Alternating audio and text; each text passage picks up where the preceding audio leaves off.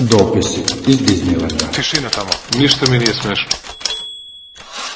Ćao, slušate podcast Dopisi iz Disneylanda, ja sam Miljan. Ćao, čao, ja sam Nemanja. A smo bojca malo promukli, ha? Au, maj, to smo provukli, nego što smo mrtvi. Hoćemo pričati gdje smo bili, šta smo bili, da to preskočimo. Ne, I čisto da se dotaknemo, mislim, očigledno da ćemo biti ovaj van forme zato što smo i Miljan i ja smo bili na različitim stranama, tako da smo dosta toga i propustili. e, ali na različitim stranama svijeta. A bukvalno. Ovaj, u Bosni i u Mađarskoj. E, ćemo se naravno zato što je e, zanimljivo je e, zanimljiva je tematika barem kod mene 15 godina mature gdje, jako me god sam u suštini pomenuo da idem na 15 godina mature, mnogi su bili u fazonu, pa i ti si rekao se okupljaju samo ljudi koji se inače druže, ne radi se to generacijski. Ja nisam nikad bio, moram priznati, i možeš da mi podijeliš slobodno svoje impresije. Sad nisam bio ni na 5, ni na 10, ni na 15, moja 15 ja nisam je bila prošle godine, nisam je ispratio.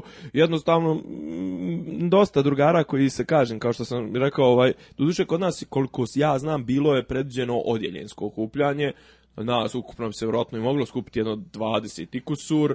ovaj, ali od toga zapravo skupilo se ne znam koliko, 7-8 ljudi koji su inače i, mimo, mimo tih godišnjica druže, nas inače bilo 24 žene i 4 muškarca, od toga jedan momak je bio bukvalno, mislim, četvrti srednji je bio ovaj, samo sa nama, jer je bio nešto, bio u ovaj, bio košarkaš, ovaj, pa igrao za Bijeljinski radnik, tako da u stvari on je bio peti, znači nas četvorica i, i, i 24 žene i od ti 24 ono 10 se druži i svako, svaki dan piju kafu koliko vidim na Facebooku i njima je to bilo otprilike samo jedno večer kad će malo ljepše da se srede.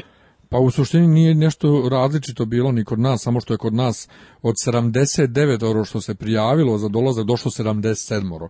Ovaj, neki, su, neki su doputovali iz Banja Luke, ne znam, evo ja iz Beograda. Ja nisam bio na 5 godina, bio sam na 10 i sad na 15. Neki ljudi iz same Bijeljne nisu došli, kao brsko im bilo, bilo je bračnih parova koji su išli u zadnju generaciju gdje žena nije htjela da dođe, a muž je došao. E, kod mene su se bukvalno, kod mene su se dvoje uzeli u odjeljenju ovaj, jedan od nas četvorice je, oženio jednu drugarcu iz odjeljenja i imaju sad, mislim, jedno ili dvoje djece, nemam pojma, tako da oni verovatno ne znam da li su zajednički išli na taj. E, mi imamo bar dva, pa, mi imamo bar dva para, ne iz istog odjeljenja, ali iz iste generacije, e, ovaj drugi par bili su oboje prisutni. pa ja, kažem, ja sam prvo zbunjen kako djevojke i dalje isto izgledaju, mi, mi svi smo ovaj, se, u, u uglavnom udebljale, ali ne izgledamo ni toliko stravično, strašno. Udebljali i propali. Pa nismo ni propali, nismo toliko propali. Ja se sebi iskreno sad mnogo više dopadam nego kak sam tad izgledao. Evo neki dan sam okačio sliku sa maturske ekskurzije sa e, Meteora. Sam, da i gdje postoji e, ljudi koji me znaju... Nije visi na tebi. E, nije ja sam u farmer sam nekim, ono, ali otprilike vidi sad da, sam jako mršav i imam kosu. I onda ljudi koji me znaju sad iz novijeg vremena su u fazonu čije to slike kači, što nisi ti, a druga ekipa ima na fejsu stvarno, koji se sve vrijeme ubjeđuju da su moje novije slike Photoshop, a da ja i dalje izgledam onako kao na ovim slikama. Ja, ja sam izašao iz srednje. Žao mi je. Ja sam negde na polovini srednje, četvrtog srednje ili možda čak i srednje sam izašao sa da li 68, da li 72 kile, sad imamo preko stotke bez problema, Ovaj, tako da, i ja ni ne znam gdje su te moje slike, vjerojatno kad bi okačio, vjerojatno me niko ne bi ni prepoznao, tako da... Lijepo smo se družili, e, pjevali smo i ja sam pjevao, e, imao sam, pa nazovimo stand-up tačkom, zamolili su me da komentarišem naše stare slike iz, ovaj, iz gimnazije, koje su ljudi priložili za prezentaciju. Svaka čast. I onda sam ja, ovaj, pa bio sam ovaj, vrlo ovaj, grub i oštar ovaj, za, za neke slike, ali mislim, iza samog sebe sam se šalio i srećom, stvarno niko nije, nije uzeo za zlo niko nije pogrešno shvatio čak i profesor Pavle Trifković za kojeg sam ispričao staru priču koju zapravo priča profesor Isto Matić, profesor latinskog je stalno to pričao, da je Trifković završio fakultet samo pročitavši dvije knjige. Pa dobro, ja mislim da, da kod njih ni nema više knjiga na fakultetu, ono, imaš one, pa nemaš onu kao foru, ovaj, kad dvojica likova sa difa kao trče lagano krug i prođe neki koji šprinta pored njih i oni dvojica se okrenu kažu viš Trevera. Ovaj, mislim, oni imaju neku, ona, ja sam imao koleginicu koja je sa mnom ovaj, svirala, ona žena na difu, i ona se patila sa nekom anatomijom koja je tipa jedino i, i ole ozbiljno štivo tamo. Mislim, ne želim da vrijeđam nikoga.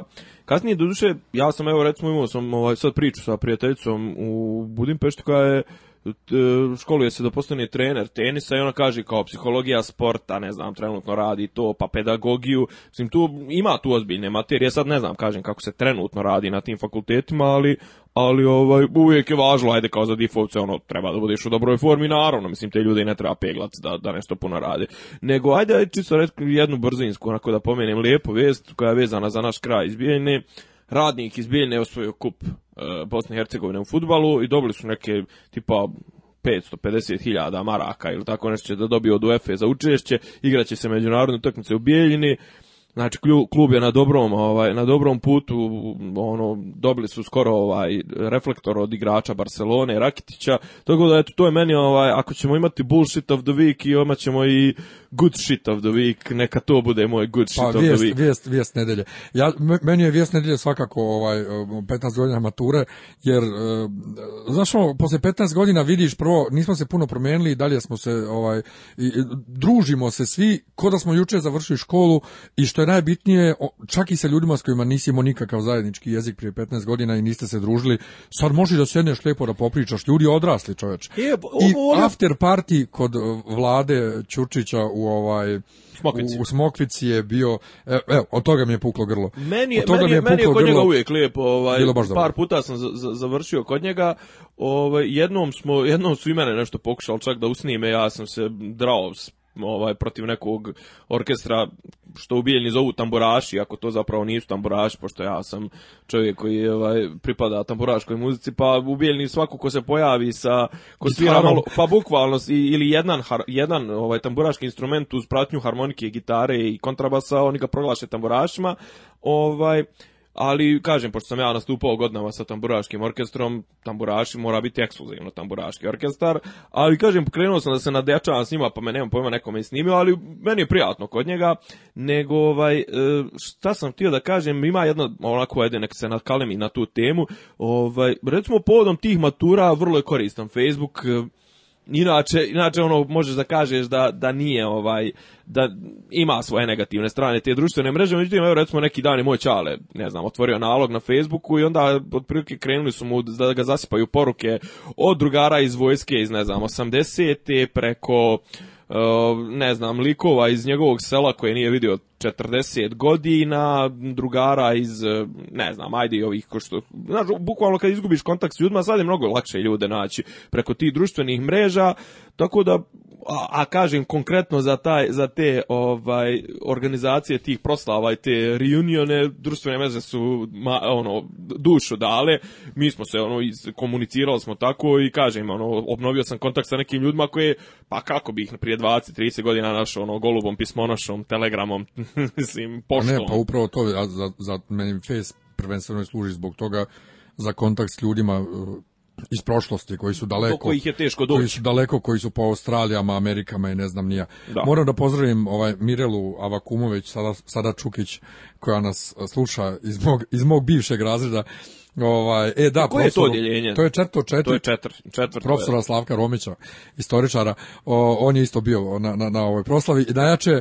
Slavko Romić je mene natjerao da zamrzim košarku zašto on grubo igra. Ne, zato što on ima ovaj dlakave grudi, onda kad ga ja krenem da ga čuvam, ovaj, a on, u stvari on mene čuva leđima i ovako ostavi otisak, ovaj, na mom, a uglavnom smo igrali u sileđikama, onim, onim atletskim majicama, i on, mislim, on je koristio tu prljavu taktiku, to ovaj, ono, old man smell, ovaj, da, da te odbije od košarke, to je, a nas je tadašnji profesor, ne, ne eh, Pavle, nego Rajko, Rajko Petrović zvani Kičma, nas je tjerao da, ovaj, da popunjavamo ekipu za basket profesorima koji igraju u tom trenutku i onda kao oslobađaju nas je da ne idemo na fizičko, ali kao te igrajte sa Romićem, ne znam ko je još igrao, igrao su oni neki iz ekonomske, neki Boško i ne znam, nija profesor fizičkog i mi smo onaj stalno ovaj, njima pravili društvo nas par koji smo se bavili košarkom i on je, ovaj, kažem ti, on je, ja, otad sam ja prešao iz, iz košarkaša, sam prešao u sudije košarkaške. Jo, jer jest, Romć, je jedan od razloga, ali mislim, dobar je bio, on je meni na maturskom bio, ovaj, pošto je Dobrila bila spriječena da, da, da me ispituje i on mi je dao mi pet na maturskom, hvala ja sam bio kod njega u razredu samo u, u prvom, samo u prvom razredu sam bio kod njega, pa sam prešao ovaj u četvrti dva, to jest drugi dva tada. I ovaj, ali da, dalje znam da nas ovi tvoji slušaju, to ja ću ti reći, Samo ovaj- jedan sam, ali i dalje ja kao da sam u oba odjeljenja bio sve vrijeme. Meni su više su mi se sviđali, ovaj više su, su mi se sviđale žene iz četvrtog nego iz onog drugog u koje se kasnije prešao. Ovaj ja sam bio drugi, drugi kod nas u gimnaziji uvijek drugo odjeljenje bilo jezičarsko odjeljenje, ja sam bio pa jezičar. Pa ovaj, a kažem te e, što su bili komentari na sad za, Aha. E, na maturi, da su žene iz mog razreda ovaj, najbolje očuvane.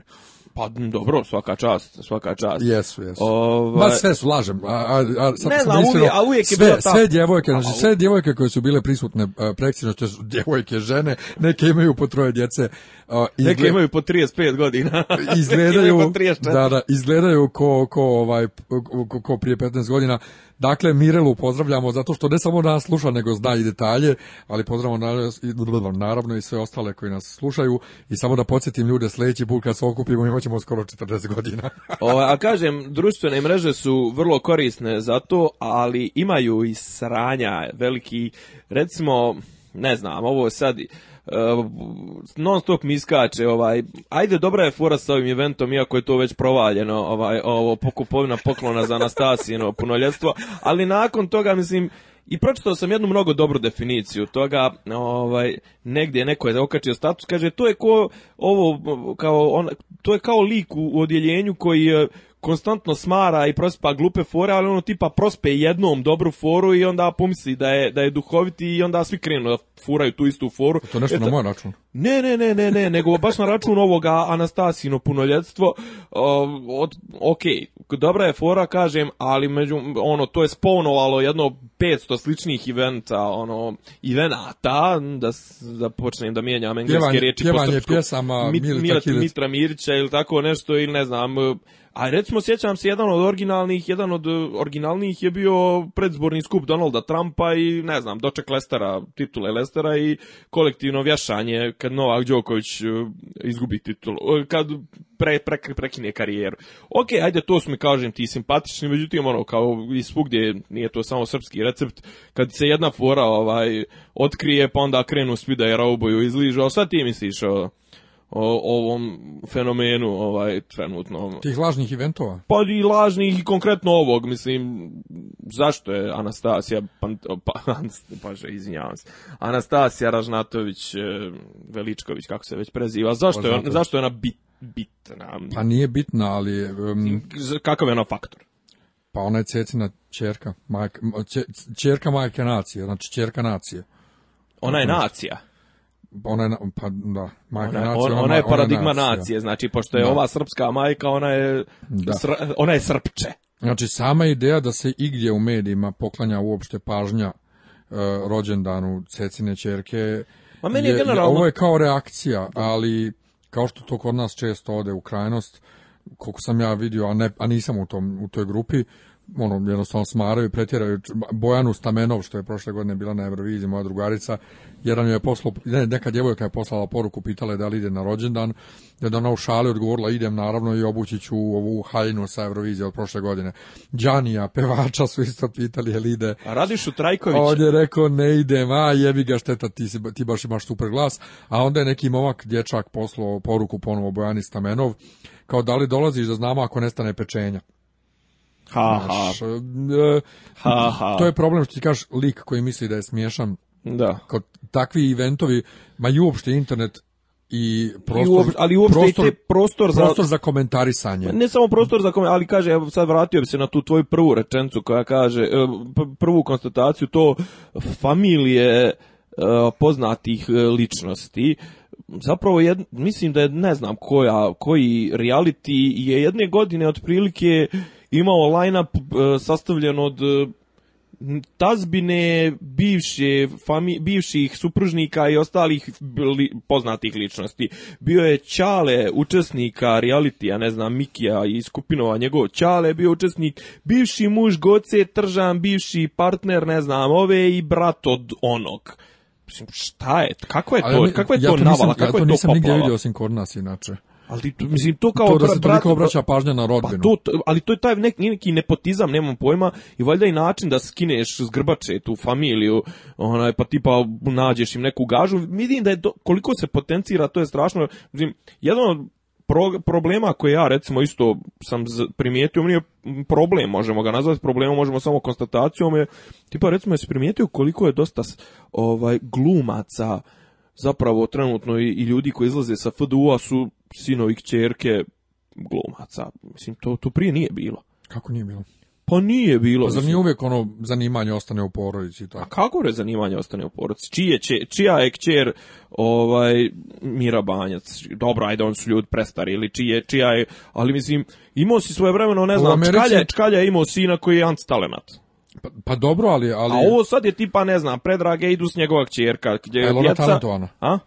Pa nešto mi nije, iskreno rečeno. Ne znam, ovo djeca od, od Voje Brajovića, oboje su glumci. Jo, ja, ona, ona, ona, ona I on i ona. Sin je glumio onom zombi. Zombi, zona, zona mrtvih. Da. E, ko ono još, ova, ne znam, Dragana Mićalović, Sloboda Mićalović. Mislim, znaš, ona imaju valjda jedan drugima kad ono, kad im se otvori šema za, za FDU, ono, pokušavaju jedni drugi da proguraju ko ono još ima, ovaj, ma ima, opazi, Katarina Žutić koju ja volim i mislim, mnogo je lepa bila u, u Vizantijsko plavo, ona je potanak glumac, mislim realno, mada je ona, pazi, ona je od, od Miloša Žutića i CC Bojković, mislim, to su glumačke veličine, ovaj, i opet, znaš, on ne, ne zna, mislim, jebe u majku, glu, glumište stvar, ovaj, gluma je ipak i stvar talenta, nije samo rada, nije samo, nije samo krljanja, nego jednostavno i, i ovog talenta, ne znam, ja kažem ti, i onda taj, taj fenomen porodice slavnih, mislim, pa sve počinje i od, od politike, mislim, zašto je brat e, premijera bitna, bitan faktor kad njega i brata od gradonačelnika prebije Murija, to se digne se, sazivaju se konferencije za štampu, mislim, i premijer stalno potencira to, svi mi udarate na porodicu, udarate mi na sina koji pravi pizdarije po splavovima, Mislim, čemu, čemu to razgoličivanje? Mislim da, što ti kažeš, kod, kod nas je to izuzetno rasprostranjena pojava da ljudi pod krinkom to nemojte mi u porodicu, ne dirajte mi u porodicu, zapravo ogoljavaju to sve i konstantno svoju porodicu isturaju u prvi plan. Meni, meni to ne ide u glavu, stvarno. Što se tiče cecine djece, uh, 2000, 2001. na onom prvom koncertu na Marakani, veliki njen prvi koncert na Marakani. Dobro, koliko, koliko je ova mala mogla da ima godina? Tri? Ba tako nešto, i veliko je imao 5-6, nešto malo godina. Ne, ona mala imala baš malo godina. O, izvela ih je oboje na binu bila u nekom trenutku. To mi je toliko bilo degutantno, ali su to radi i Brena na svojim koncertima izvede. A dobro, radi to i, radi to i lupam sad, lupiću Jay-Z, mislim. On, on, on forsira svoje dijete, ne izvodi i na koncert, ali mislim, ne, ali, oni prave dobro, zvijest, Beyonce, superstare. jeste, ali oni ne izvode djete na binu. Beyonce, Beyonce i ovaj, se zove, jay i Jay-Z nastupaju zajedno. Madonin sin je na prošloj turneji 2012. s njom igro na bini kao dio plesne grupe. Zar je ova Lurd, zar je ona nije neka nije, Nije, ona, ona, nije. ona, ona, ono, ali ovdje kažem da ovi poznati kad izvedu djecu na binu, ta djeca nisu kao, e, čao, ja sam, ja sam sin, da, i evo je moj sin, nego on je samo dio plesne grupe i on tu sad igra. Ok, ubacila ga što je njen sin, ali nije ono kao Brena pjeva, ja nemam drugi dom i izvede Bobu i djecu i sad stoje svi njižu se mi sad njima aplaudiramo. Ili Đoković, Đoković dolazi i osvojio turnir, sto hiljada ljudi se okupi na trgu i aplaudira njegove babe, znaš. Ono. Dedi, dedi. Babi, babi, babi. babi. da, Dede je dedu, umro, ne, dedu je, ne, dedu zar nije dedu izvodio prvi put kad je, kad je osvojio nešto, pa je pa je onaj Miroslav Ilić, ono kad je bio happening, e, sjećaš se toga? E, Mislim da je bilo ispred skupštine. Pa ispred skupštine e, šta je, kvaka? Miroslav Ilić u tom trenutku kao treba da pjeva. I njemu kao Miroslav Ilić je pametan i kao ajde će on na matricu, ali kao da bi izgledalo kao živo, puste njemu živi snimak sa njegovog nastupa u areni. I on je sve super, samo neko je od tonaca ili on je zaboravio da on u tom trenutku poslije završetka pjesme čuje se na matrici molim te upali mi svjetlo u sali da vidim ove divne ljude. I ono kao čuje se upali mi svjetlo u sali ispred skupštine, mislim, da ono, sve je fake, sve je fake.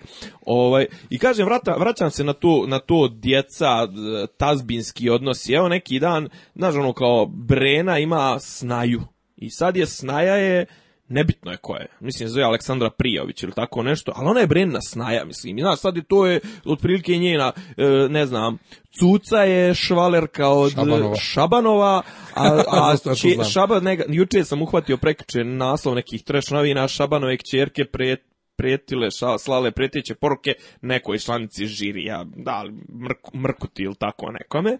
A čerke Šabanove su Sanela Ilda i, i Ilda. I Sanela, mislim, i, i, i Sinanov sin je Medo. E, a vi sad mi koji, koji, koji znamo sve to. A me nas, nas treba poubijati.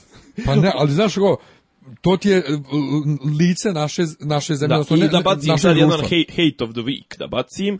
Ovaj, Bullshit of the week. A bullshit je posebno, ali hate, ajde, of the week je, hate, of the, week je, kucam ja pjesmu neku od Zrce Brunsk na YouTube-u. Zove se pjesma Tecite suze moje, neki old school narodnjak 79-a. I prvo mi ne izlazi iz Zorca, nego mi izlazi ta brena jebena snaja Aleksandra Prijović. YouTube mora da uvede neka pravila, nemoj da se zajebavamo. Zna se ko je najbolje odpjevo, zna se ko je. Nemoj da mi tipa, otkucam neku pjesmu od Tozovca, prvom izlazi Aca Lukas. Mrš more bre. Do, evo, ishejtovo sam, izvol sad. ovaj, ja bi da prećemo na, na, na bullshit the week, pa da počnemo pravu emisiju. Ovaj... Pa, pazi, šta, šta fali, ja, ja volim ovaj galantni uvod koji traje 20 minuta. Volim i ja šta fali, mislim, ono, ko, voli nek izvoli, ko hoće da sluša, sluša, može Ništa nije nije podmoranje. Dakle, eh, ja nemam neki bog zna kakav bullshit of the week, jer se ove nedelje nešto nije puno ni dešavalo. Ovaj, Hoćeš ja jedan da ti dam? Čekaj, ne, ja, ja, ja, ja ću moj da, izbacim eh, novi X-Men film ja sam se poslije onog posljednjeg ovaj, Days of Future Past nadao da će ovaj Singer nešto sad kako treba da uradi. Se bio pošto Tu, tu ovaj, potrefio. Međutim, go kurac. Znači, niti ima priču, niti ima ovaj razvoj likova. 15. put gledamo jedne iste, potpuno iste scene gledamo. Tako da ovaj e, to čuvamo za, mislim, to mi je bučno odvik vik ga posebno. Detalje obraćamo posebno u specijalu. Goran, Kad ja odgledam. Kad ti ogledaš, kad se, ovaj, dogovorimo Goran će da nam ovaj, gostuje, ovaj, Tomović, koji nam je bio tonac u Civil War podcastu, tako da, eto, toliko od mog week, šta je Meni je, moram da priznam da je ova, da ova sedmica ili je to zbog toga što, zbog toga što ja i ti nismo bili ovaj, u državi, pa nismo nešto pratili ili jednostavno u zatišje pred buru ili poslije one bure što smo imali i proteste u Bosni i šta već, pa nešto, ono, ja najviše očekujem bullshit od političara, imaš i onu tipa imaš i onu e, rubriku na Tarzanije, ono, gad nedelje, i, oni to prate, ali recimo ni ove, ove sedmice mislim da čak ni oni možda nisu izbacili, ovaj, Mihajlo javi ako jesu. E, uglavnom, slabi su mi nešto političari skroz bili, tako da sam se opredelio za, ali ovo sad ja ću da, da probam ono, verbalno da opišem nešto što je zapravo vizuelna umjetnost. To je neki pokušaj murala ili čega već na jednom od nosećih stubova mosta pa recimo da je Kazelo, ne, ne znam, možda je čak i Branko most, nebitno, mislim da je Branko most zapravo... je Beograd na vodi. Ali uglavnom tamo Beogradska promenada, Beograd na vodi, uglavnom u tom, na tom muralu iz Save iskaču dva delfina koji zapravo izgledaju kao dva penzionera orke, znači onako debeli zgu, zgur, zgutani i, i, onako nikakvi. Prvo, to je naslikano ko nogom realno kod nas imaju problem ti street art umjetnici, nisu bre talentovani. Jesi ispratio svoje vremeno bio onaj serijal, onaj neki lav koji se predstavlja kao pijanista? Ne on je čovjek ono njemu ne znam e, Aleksandar Đorđević mu liči na onoga Michaela Čiklisa iz iz iz e, The Shield ili ka, ili šta je on što glumio u Fantastic Four jel tako Čelavi onaj što glumi onoga The Thing ne kako se on zove kako zove da, da, think, ja. The Thing ovaj ne znam čovjek je on talenat totalni uglavnom kod nas se moralima bave ovi koji nemaju veze sa crtanjem i uglavnom i ovo ovo su nacrtali neki lavovi to ne na što je druga stvar kakve veze imaju delfini sa Savom. Treća stvar... A da nismo možda grbavi kitovi? još gore mislim, još gore, kao da, jesu oni uzvodno ili nizvodno doplivali, jesu iz Krškog pa, doplivali, pa, mislim. Došli na Beograd na vodi. Ja, sam oduševljen, divno, e, Beograd na vodi i generalno to je pokušaj to urbanizacije, mislim, pa- to znaš kao ono, baciš mu 200 eura to nekom umjetniku, pa, pa kao ajde mi nešto, znaš, prikaži. E, A čekaj, to je kao legalno urađeno, nije ono kao došlo neko ilegalno preko noći. Ma ja, pa ko bi smio tamo, bre, tamo, tamo za bilo šta strada, nelegalno stradala. Odmah fantomke. Fantomka i, i pendrek preko bubrega, mislim. Ovaj, al, ne, al, to ti je slika opet i prilika našeg društva. paradigma potpuno. Kič, kič, pa kič. kič i diletantizam. Mislim, sam, znaš što mi sad kad rekao kič, kič, kič, prvo mi na naum Vladičanski dvor u lažni Versaj, šta? mali Versaj, mali parče, Versaj, na zemlji, što bi rekao Čača Kačavenda. Ovaj, ali kad kažeš loši morali, kad kažeš loši murali ona sa Robinom Williamsom je bio dobar. Kako si me Čekaj bre prvo da mi mozak proradi. Kad je umro Robin Williams preko noći osvanuo neki ovaj, ovaj grafiti. Ni, ima ekipa koja radi, ja se čak iskreno ne slažem s njima u većini ovaj onaj grobaški tre, grobarski trash romantizam, ali mural su im okej, okay, iako ne znam, imali su neki ispad tipa pokaču su Joa Stramera Koji ne znam kakve ima veze sa Partizanom, vjerojatno ne znam da li navija za Partizan, ali ono, ono ne znam, Boru, Boru Todorovića, Caneta i te neke Miku e, Radovića, Duška Radovića su kačili i to je čak i pristojno urađeno jer je urađeno ono u dvije boje u crnoj i ono 50 nijansi i sive, tako da ovaj, to mi se sviđa, ali ovo kažem ti Eh, ali pokušaj i predstavljanja Beograda na vodi kao nekog ono trendseterskog, hipsterskog, bla bla bla mjesta, a provalio si posljednji put kad se Sava digla, no, na je to, na šta je to ličilo? E, dobro, s tim što ovaj hipstersko, trendsetersko, taj cijeli kraj, ta Sava mala pokušava tako da se predstavi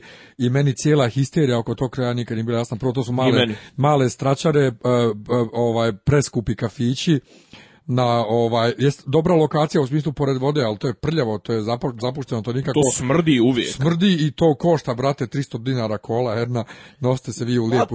ali kažem, ali, ok, to je sve jedna, to je sve jedna Skorojevićka ekipa je zapravo preuzela i polako preuzima koliko sam pročitao. Ne, a pazi, Skorojevićka ekipa je ova ovi ti hipsteri koji se lože, koji se lože i brane sad tu Sava Malu, a, a još ih još veći još Skorojevićki ekipa je ovi koji prave e, e, renesanska ekipa koja kažu polako preuzima te, te prostore. Naravno, mi svi znamo da će se Beograd na vodi završiti tako što će taj Arapin da zapali, on neće platiti nikakve penale i onda će u jednom momentu će vlast koja misli vjerojatno da će vladati tih 20-30 godina sadašnja vlast će reći pa dobro eto ispalio nas Arapin, ajde da to ne bi propalo, ajde ti brate od e, premijera i ti brate od e, gradonačelnika, ajde sagradite tu neke zgrade da to ne bude ruglo, evo mi smo vam tamo raščistili, šteta da to raščišćeno propadne i otprilike to je način vladanja.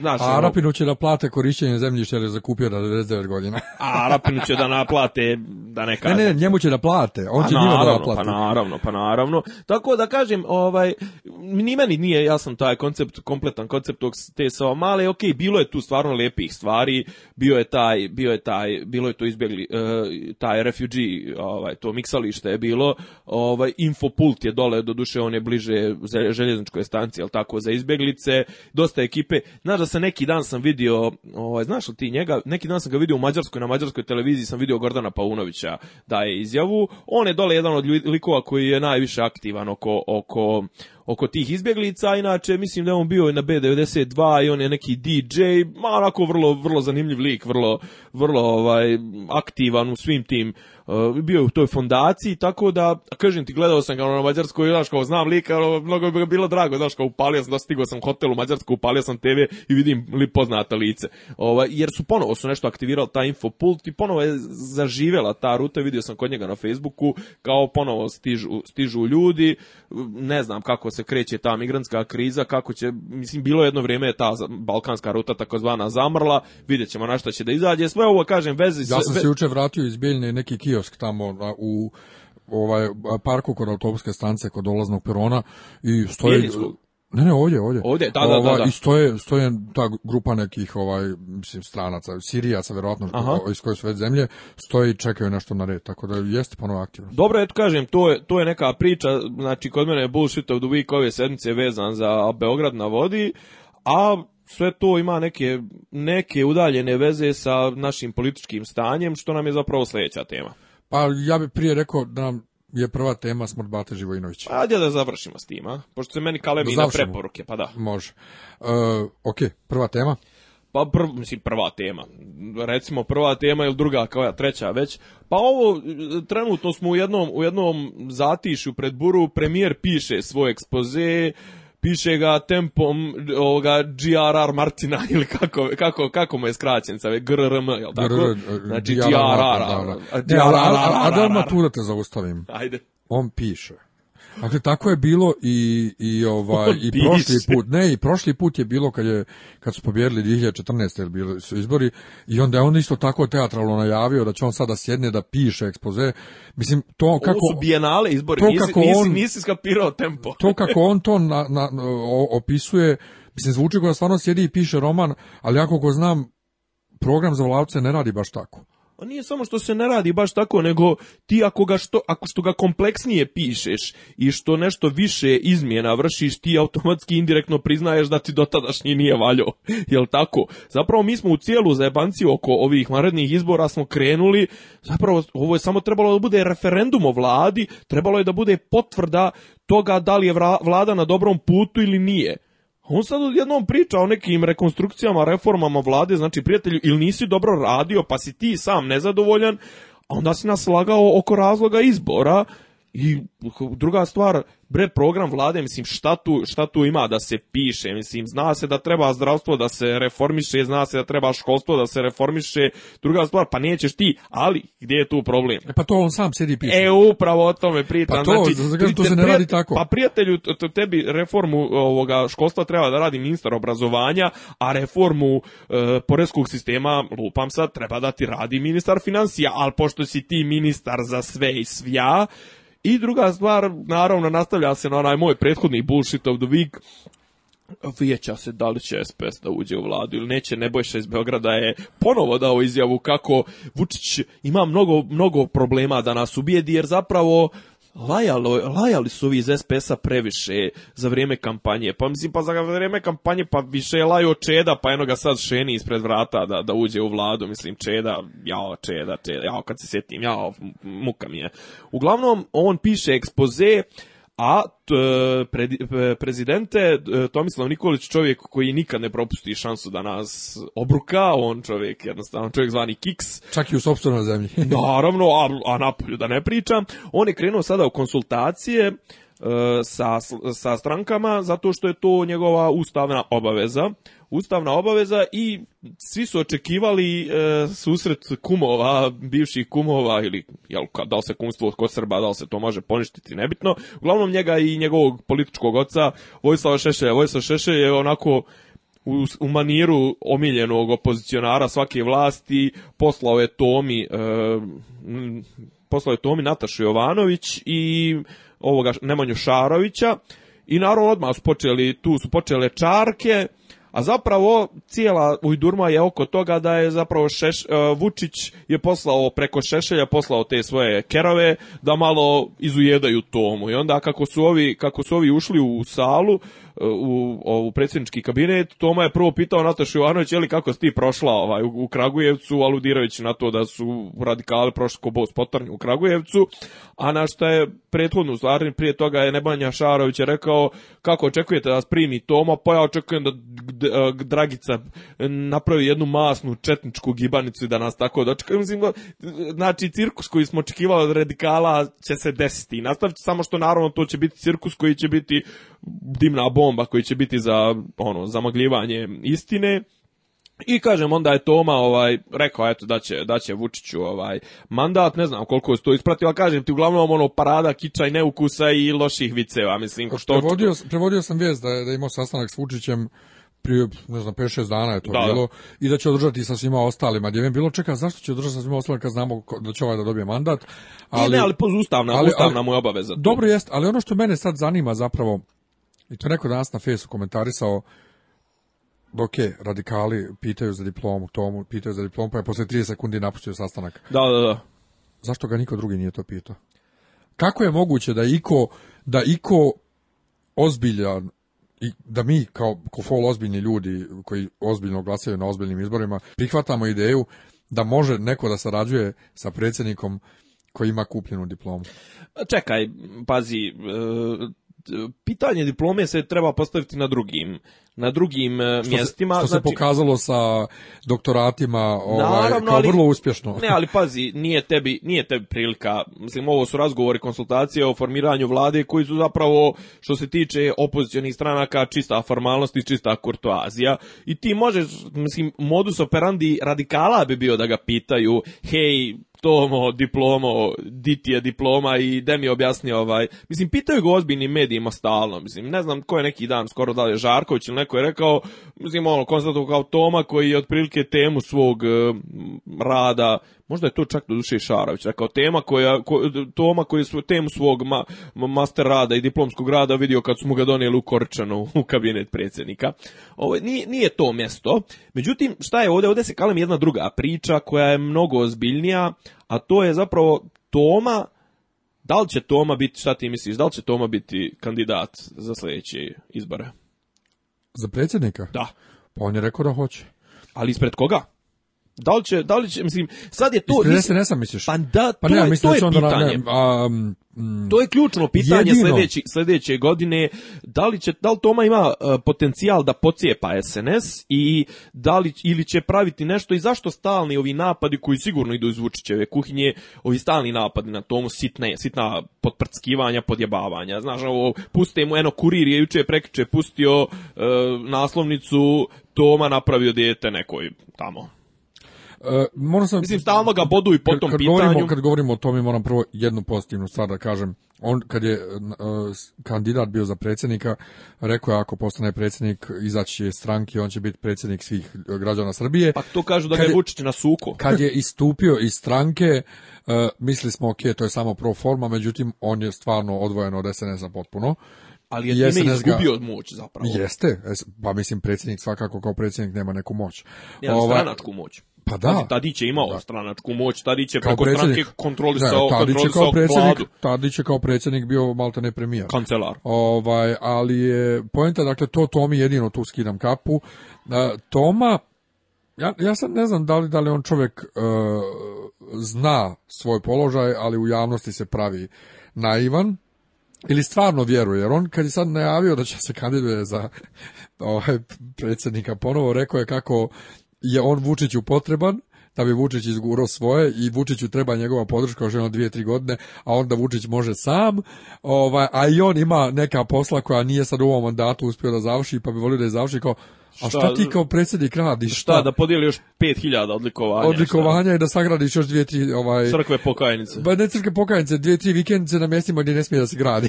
na primjer, to i da, obi, da, da on i Dragica obiđu još Vanuatu, Tuvalu i Tahiti. Tako da, ne, ali pazi, ali nije glup Toma, hoću da kažem drugu stvar, a ko mjesto Tome iz, iz SNS-a? Ne mora uopšte iz SNS-a bude predsjednik, želi biti predsjednik iz SNS-a. Ne, ne, govorim iz vizure SNS-a. Aha. Govorim iz vizure, koga, koga bi oni mogli... Zorana kaže ima problem što je Zorana e, e, prvo Zorana nije autentični radikal, to je znači nije neautentični SNS-ovac, Zorana je G, e, ekipa G17+. plus ali on se boga mi ponaša kao vrlo dobar učenik. Međutim, međutim ona ne, ali ona ona ona širi disonantne, ona daje disonantne izjave, daje širi disonantne tonove i ona je predmet napada ovog tvrđeg krila e, radika, radikala, naprednjaka, naprednjaka kao što je glava Đuka Bizon. Ovaj, on, znači, ona je Kažu da je ona i najbolje, najbolje se kotira u stranim ambasadama, što Vučiću vjerojatno diže mu se kosa na glavi od, od te konstatacije, tako da ne bi se ja zaleto previše sa Zoranom. Ako bude Zorana kandidat za predsjednika, to znači da je, da je Vučić lego na rudu, tačnije da mu je stigao od nalog. Druga, ko su druge opcije? Mislim, šta, iz Beograda? Pa ne boj se iz Beograda mali. Pa mali e, ima, kažu, ima mogućnost, postoji, postoji opcija da se ovaj, da se promijeni ustav, ne mora čak da se mijenja ustav, nego da on podnese, on, znamo na koga mislimo, on podnese ostavku, e, kanduje se za predsjednika, a na mjesto premijera postavi nekog koga kome se vlade kao pa, master, da. Nekog pa nekog malog, a onda onda mali ide se sledstveno tome, onda će ti gradonačelnik biti onaj Jovičić i mislim da ne idemo, jer otprilike prva dubina SNS-a su katastrofalni igrači, a druga dubina su ono ljudi koji nemaju mjesta u FK Brodarac. Što će reći, ne piše nam se dobro. Pa ne piše nam se dobro, ali kažem ti, vrlo je zanimljivo. Znaš da je dobri, dobri čovjek Rasim, Goodman Rasim, je recimo ovaj, najavio svoju kandidaturu za predsjednika, što je po meni opet i v, pazi, vrlo je zanimljivo ako on bude recimo kandidat SNS-a, znaš ono, manjinski kandidat, druga stvar čovjek kome ne možeš mu zakačiti nešto, nešto ozbiljno, znaš, nije ni ratni zločinac, ne, nije ni... I plus je ono dokazani dobrotvor, on je kao ministar ono za sve svašta hodao, dijelio bijelu tehniku onim siromašnim on ljudima, to, on je čovječ... poplave, on ide, nosi džakove ne, i samo sve. to, nego on se uhvatio najtežeg posla u to vrijeme u Srbiji, on je radio sa, sa sa, sa Haškim tribunalom, Pazi, uvale eh, Bošnjaku, da ne kažem muslimanu, mislim, meni nešto glupo mi zvati ljude sa Sanđaka Bošnjacima, ovaj, ali oni se tako deklarišu. Ajde, reći ti jednu stvar za to kad završiš misl. Da, ali kažem, znaš, uvale čovjek koji je Bošnjak, uvali da mu sarađuje, sa, znaš, da isporučuje, ne znam, sad, da, stvar njegov je posao bio, ne znam da li je to za njegovog mandata, isporuka Mladića, Karadžića, znaš, ono, pipa posao, uhvatio se dobri Rasim toga i znaš, ja na Rasima nikad ne mogu biti e, ljut, toliko nadrndan ko na bivše radikale, jer Rasim je ok, hoće čovjek da učestvuje u vlasti, druga stvar, uvijek je, uvijek je pravilo u tim demokratskim zemljama da ti imaš u vlasti manjin, ono, partnera koji je manjinska, ovaj, e, koji je pripadnik manjine, tako da ajde, Rasima gledam, ono, a kažem, on bi bio izuzetan kandidat za, za SNS, jer kažem, ti, time bi pokupovali bi strane ambasade, strance, znaš, ono, kao gurnuli smo toga šta vi hoćete, a kontrakandidat bi bio, mislim, neko... Ja kad pomislim da, da neki forsiraju kao kontrakandidata e, opozicije Vuka Jeremića, ja meni dođe susrem ugaće odmah.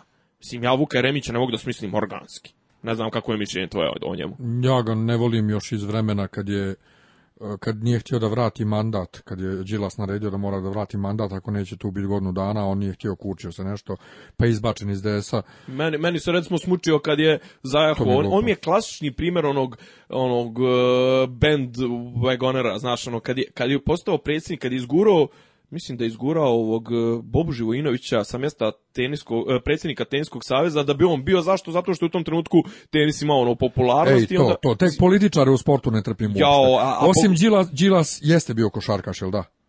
Pa ne toliko nešto uspješan, ali radi dobar posao. Ne, ali bio košarkaš.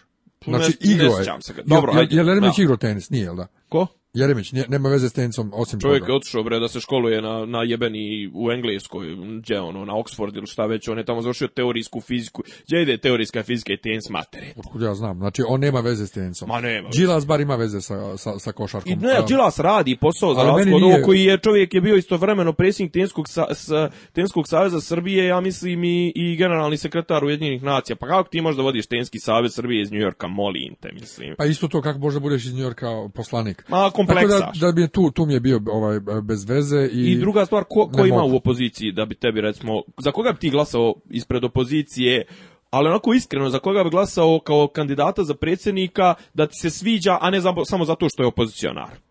Radlović? Da recimo. Htio sam da kažem Radulović, da.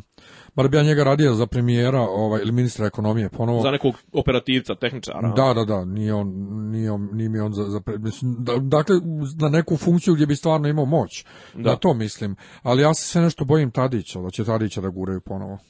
Jo, to to, to je takav autogol, mislim, pa Tadić, tad, e, znaš, nije problem s Tadićem da je Tadić prošao Katarzu, ali Tadić nije prošao Katarzu, Tadić i dalje, i dalje misli da je narod ispao glup zato što ga nije izabrao, umjesto da shvati da je to bio, na, njemu bio šamar i kazna za njegovo glupo ponašanje da. i, za njegovu osionost. Tako da ovaj kažem ti čekaju nas zanimljivo, ovaj zanimljivo nas vrijeme čeka predsjednički izbori. Znaš, bilo bi dobro ja nikad nisam ljubitelj, ovaj, to, to su isforsirao svoje vremeno taj, taj termin kod nas, kohabitacija, znaš, kao... To je bilo ali, sa, sa ovim i DSS-om. Jeste, ali... Koštunica i Tadić. E, Koštunica i Tadić? da. A dobro, bio je Đinđić premijer, on su je popičkali bili... Već. Pa da. Pa dobro, tad, je još bio... oteo im DSS mandate, sjećaš se. DS-u, tačnije koalicija je bila na čelu, pa su im oteli, ne, DS je oteo mandate DSS-u i rekao kao pripadaju koalicija, ne stranci, pa je Ustavni sud, mislim, nešto vratio, pripadaju poslanicima, uglavnom to je bilo, ovaj, ali kažem, u, u, u, u momentima kada imaš tendenciju ka apsolutizmu, kohabitacija je dobra stvar, makar neko da ima pristup medijima i neku korektivnu funkciju, pa makar to bila i ceremonijalna funkcija kao što je predsjednik. Dobro, ali čekaj, ali ako ti vidiš da oni svog čovjeka tomu jebu u medijima koliko jebu sada, šta misliš šta bi radili ovaj, u kohabitaciji? Znam, ali Toma, Toma ne pruža otpor. Pa ona njegova Stanislava Pak je pružala nešto i to isto sve blam do blama do blama. Loto Girl brani tomu, daj mi da se ubije. Ali, ali sad ovako kad pričaš, evo izdeprimiran sam se jer ne vidim nikakvu dobru budućnost. pa ne vidi ne, ali kažem, to je prvi korak, mora, mora opozicija da dođe do neke funkcije, da ostvari neku vidljivost, pa makar to bili 2018. gradonačelni, e, izbori za, za vlast u Beogradu, znaš, ipak je gradonačelnik Beograda, ipak je neka funkcija, druga stvar, ne mogu ovi da se razvuku. Ne može, ne može Vučić da istovremeno bude i gradonačelnik Beograda i premijer i predsjednik države. Znaš, ono, a, a kažem ti, su šuplji su na sve strane. Znaš, ono, voda prodire u, u, u čamac. Tako da kažem ti, prvi neki sljedeći veliki test će biti i zavisit će dosta od ponašanja Tome, jer pazi, Toma jeste šumadijski ono, pecač rakije i, i geđa i grobar, ali Toma sigurno pamti šta mu ovi sad rade. Znaš, ono, i mislim, i meni opet nije jasno, meni stvarno nije jasno, ako je on već pristao na to, po, zašto ga jebu toliko, ali očigledno i on se buni nešto, buni se nešto, ali ovaj on osjeća da on osjeća da su njega izradili sa tim sa tim što su ga natjerali da da potpiše tačnije da se i istupi iz stranke on su njega zajebali oteli su mu oteli su mu tu stranačku moć i on sad ovaj on stalno, malo baca neke kao otrovne strelce sitne, ali ovo što njemu rade, što ga zasipaju u medijima, polivaju ga govnima, mislim, to je neizdrživo. Tako da veliko je pitanje kako će Toma da nastupi. Druga stvar, Toma uvijek može da odvuče neke glasove iz centralne Srbije, jer ovaj, ovaj privlačnost Vučića u centralnoj Srbiji bez Tome, znaš, ono, Vučić je i odaje utisak tog beogradskog pederka, tako da, znaš, ne prolazi on to među tim geđovanima, mnogo bolje će proći Toma, tako da ako dođe do splita između njih dvojice, vidjet ćemo, znaš da kod nas u pravilo je, nema više ono 50% mora da bude izlaznost, nego idu dvojica u drugi krug. Ako prođu on, ne znamo kako će Dačić, da li će se Dačić kandidovati, ko će od opozicije, da li će opozicija u jedan front, drugi front, treći front, tebe već glava boli. Ne, ne, boli me, boli me, glava od ideje da, sim, da, da, da, odjednom simpatije prema Tomi Nikoliću. Mislim, znam, znam, znam, isto kao što sam išao na, na, na, na miting da podržim dveri. Mislim, da, da je dotle došlo da, da se simpatišeš sa Boškom Ovradovićem i sa Tomom Nikolićem jebo državu. Mm, znači, šta ti očekuješ sljedeće godine, ne znaš niti. Ne znamo u stvari, ne, ne znam još uvijek kakve će karte, kako će karte biti podijeljene, ali ovaj očekuju nas. Kažem, Sve zavisi od toga kako će biti formirana vlada i kako će ta vlada da funkcioniše. Koliko će dugotrajna da, da, bude. Da, da. će možda, možda do tog vremena budemo imali još jedne parlamentarne izbore. Apsolutno je sa, sa ovim, sa ovim ovaj, budalom se nikad sa ovim psihopatom apsolutno nije, nije isključeno. Tako da vidjet ćemo na šta će da izađe. A kažem, nismo imali ove godine, e, ove godine, bože, ove sedmice nismo imali nekih velikih političkih dešavanja, velikog političkog potresa i dok se piše ekspoze, ono, psi laju, karavan prolaze, tako da ćemo, eto, ovo neka bude neka politička, politički osvrt za ovu sedmicu i jutros nam se, jutro smo dobili vijest za, o smrti E, Bati Živojinovića jednostavno to je toliko velika vijest da možeš ga, možeš ga voljeti, možeš ga ne voljeti, možeš voljeti domaću kinematografiju, možeš ne voljeti domaću kinematografiju, ti moraš da se osvrneš na tu vijest. Ako si ole ozbiljan pratilac društvenih događanja, ti ja jesmo. Šta je tebi, po čemu pamtiš Batu? Po čemu ja pamti Batu? Ti nisi ljubitelj domaćih filmova, to si ne, rekao. ja ne gledam domaće filmove, tako reći, uopšte. Ne volim njega. Znači njega baš nisam nikad volio. E, fizički mi je odbojan onako faca ona njegova. E, kad se sjetim, kad se sjetim kad sam bio klinac, o, Sean Connery brate frajer. Kad se sjetim onaj suludi godina jednog od e, kasnijih nastavaka Žikine dinastije, on tu nešto ovaj jebe, ludog doktora. Ma da, ali on tu nešto jebe ovu Maju Sablić koja je bila ribetina. Razumiješ? I kako sad on onakav nikakav on on on Maju Sablić mislim ne ide ali... Uh, jesi, gledao, jesi gledao Šteficu Cvek u Raljama života? Nisam, nisam. Pa onda bi shvatio kako, kako on jebe, jer on jebe u kožnim gaćama, u gaćama sa pr... znam da su te scene, printom, o, zato on se zove trokrilni u tom Ne, ne, znam, ali imaju, imaju, ima, mislim, znam da su e, scene seksa sa, u njegovim filmovima čuvene i zapravo, ovaj... Ne seksa, nego više ne, toga kako, on, kako on... Ne, ali ne on, to je super reprezentacija prikaza seksa u jugoslovenskim filmovima, o čemu možemo jednom posebno pričamo, ali ja njega pamtim po nečemu sasvim, sasvim trećem, a to je da je intervju s njim koji sam radio dok sam bio na Boba radio u četvrtom gimnaziji u Bijeljni, da je to meni prvi intervju s nekim poznatim i prvi intervju, ja mislim, uopšte u životu da radim. Prva emisija na Boba Radio o filmu koju sam radio, jer ja sam išao u ovu školu za voditelje Boba Radija, koju je vodio Dragan Jelić ovdje iz Beograda sa studija B, kod kojeg su u školu išle Ivana Bojić, Vojan Nedeljković je kod njega išao, on je pisao, za, on je pisao za večernje novosti, dakle ono ozbi, ozbiljan čovjek. I mi, Boba Radio je nama organizovao školu ovaj, kod njega, a istovremeno smo im radili... A istovremeno smo im radili omladinski program, ja sam ja to nešto prekinuo, a Stojanin Knežević... Mene je neko intervjuisao sam, da samo se sjećam. Bila je ekipa neka koja je bila mlađa od tebe godinu to dana. To je ovaj, Vesna Čeranić, vjerovatno. Mislim da je Natalija Žepinić, ali nemam Ovaj, Vesna Čeranić, e, sestra Ivane Čeranić iz moje da, generacije to radila, ali e, sam ja to napustio bio i onda Stojanin Knežević, urednik Boba Radija, koji je živio u Janji, kod Bijeljne, kao ja, me zaustavio na ulici, neka novinarka iz Beograda koja je radila te noćne programe, filmove, ovo ono, ne može više, da li hoću ja da radim, za pare emisiju o filmu. ko što ne bi, brate, naravno da hoću. I prva emisija treba da se sprema, i ovaj šta ćeš drž ne daj bio Bata Živojinović u Bijeljni u Kinu radio promociju filma Seljaci znači to je ono kraj karijere ono gdje sebe zacementiraš i radiš bilo šta za pare i ovaj ja iskreno ne znam kino. ne znam njegov opus nije ne znam ja to nego... nisam gledao mislim da su trailer bili dovoljni ali ovaj to je otprilike među prvim od ovih mislim čak i to sekula se ženi i to iz 70 i 80 ih ima ne, više. Ne, sekula se sekula I... se ženi je bre već 80 7. a Ne, ali kažem ti filmovi uh, šund pod navodnicima ovaj, 70-ih, 80-ih imaju više kvaliteta nego to što je krenulo krajem 90-ih. Apsolutno. Pa sad imamo babe koje se češljaju Pa dobro, to. pazi, pazi ali, uvijek treba razdvojiti, znaš, imaš ti 90-ih je bilo dobri filmovi, Dragojević je snimao dobre filmove ne, ne, 90-ih. Ja, ja sad govorim o ovim šund filmovima uglavnom ruralne tematike, dakle mhm. to je... A ne, dobro, to je taj revival uh, sela, ovaj, ali iskreno rečeno meni su recimo, meni je zanimljivije i autentičnije mi je uh, serija a mislim da i to baš Dragoslav Lazić radio, koji kasnije radio te iste seljake, ali mislim njegov, meni je kvalitetniji njegov rad uh, sa, u seriji Ljubavno seoski način iz 70-te nego ono što je radio 2000-ih. Pa to ti govorim. jel, se, jel se, seljacu kasnije prešli u seriju, jel tako? E, tu je glumila da Goca Tržani, ta sanja. Da, da.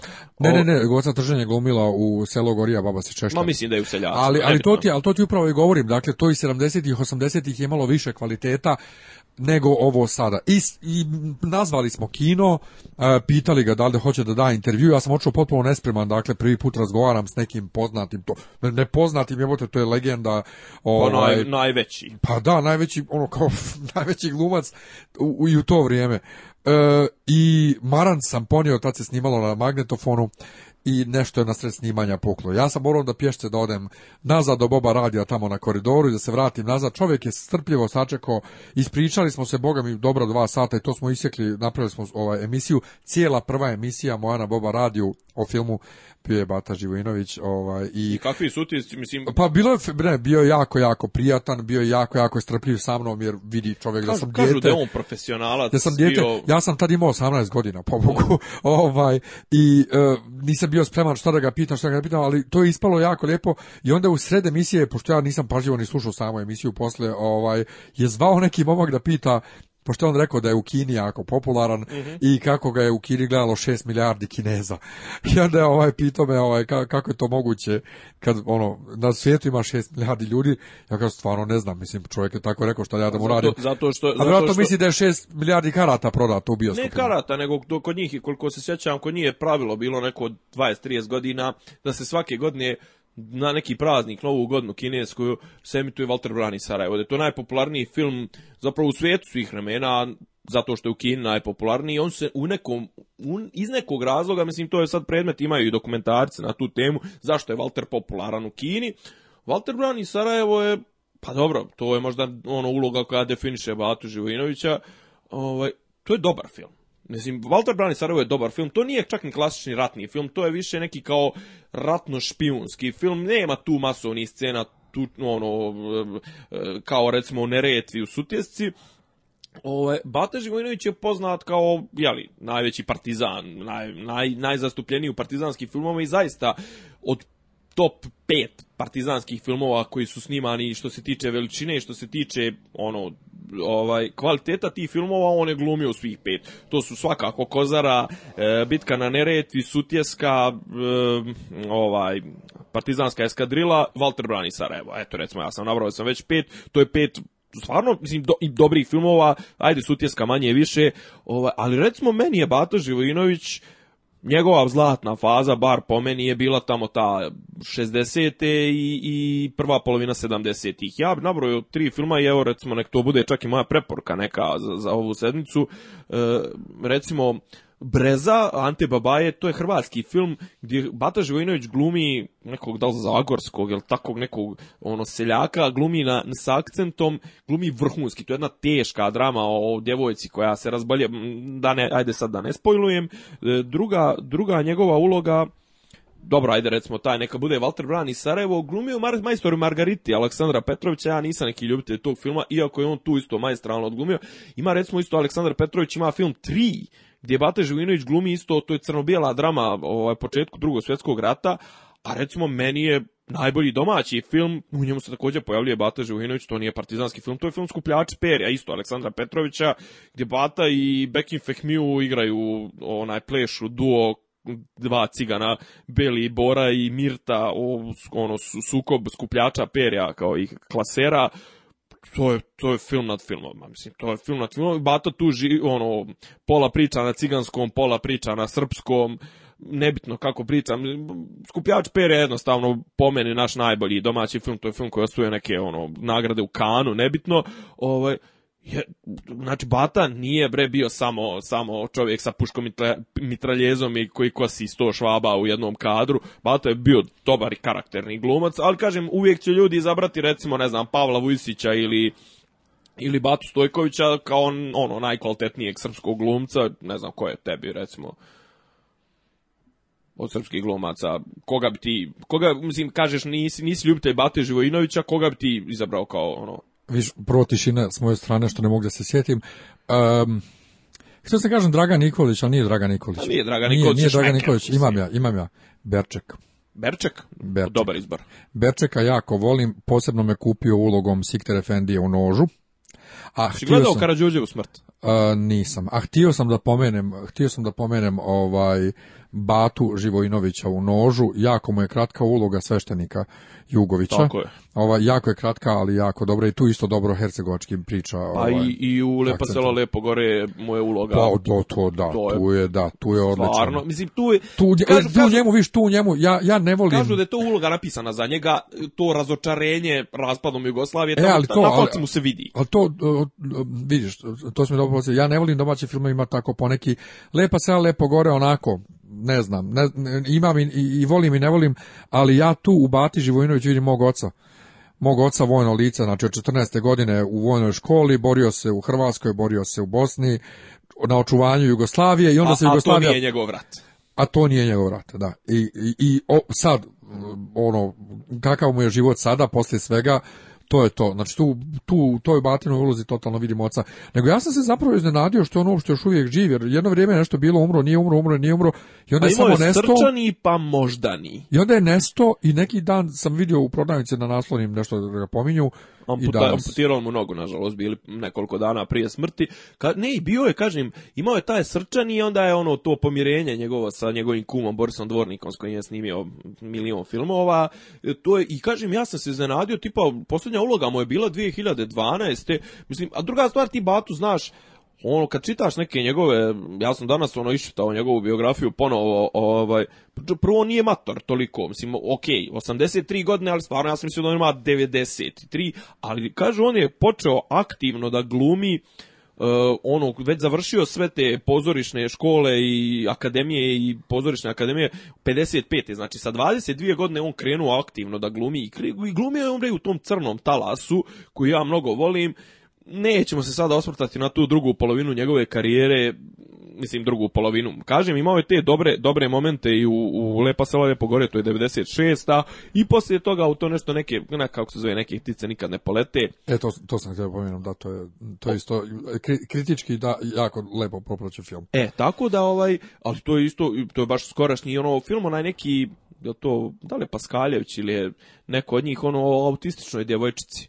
On je isto, je to taj? Mislim da je to to, ne, ili to neka noć, nešto, ne znam, nebitno, to nisam gledao, ovaj, ali kažu da isto ovaj, dobro odglumio, ali ono Bata, kažem, mo, mo, mislim, možemo ga ne možeš da mu neka, da, da kažeš da je, da je bre, da je on samo kao bio lep, popularan, zgodan, ovo ono, bre, čovjek je bio glomčan e, ali šta, ja, meni je glupo kad ljudi krenu da nariču na fesu za glumcima, za pjevačima koji odlaze, a ove godine su stvarno do ruše zaređali, ali, okej, ljudi jednostavno umiru.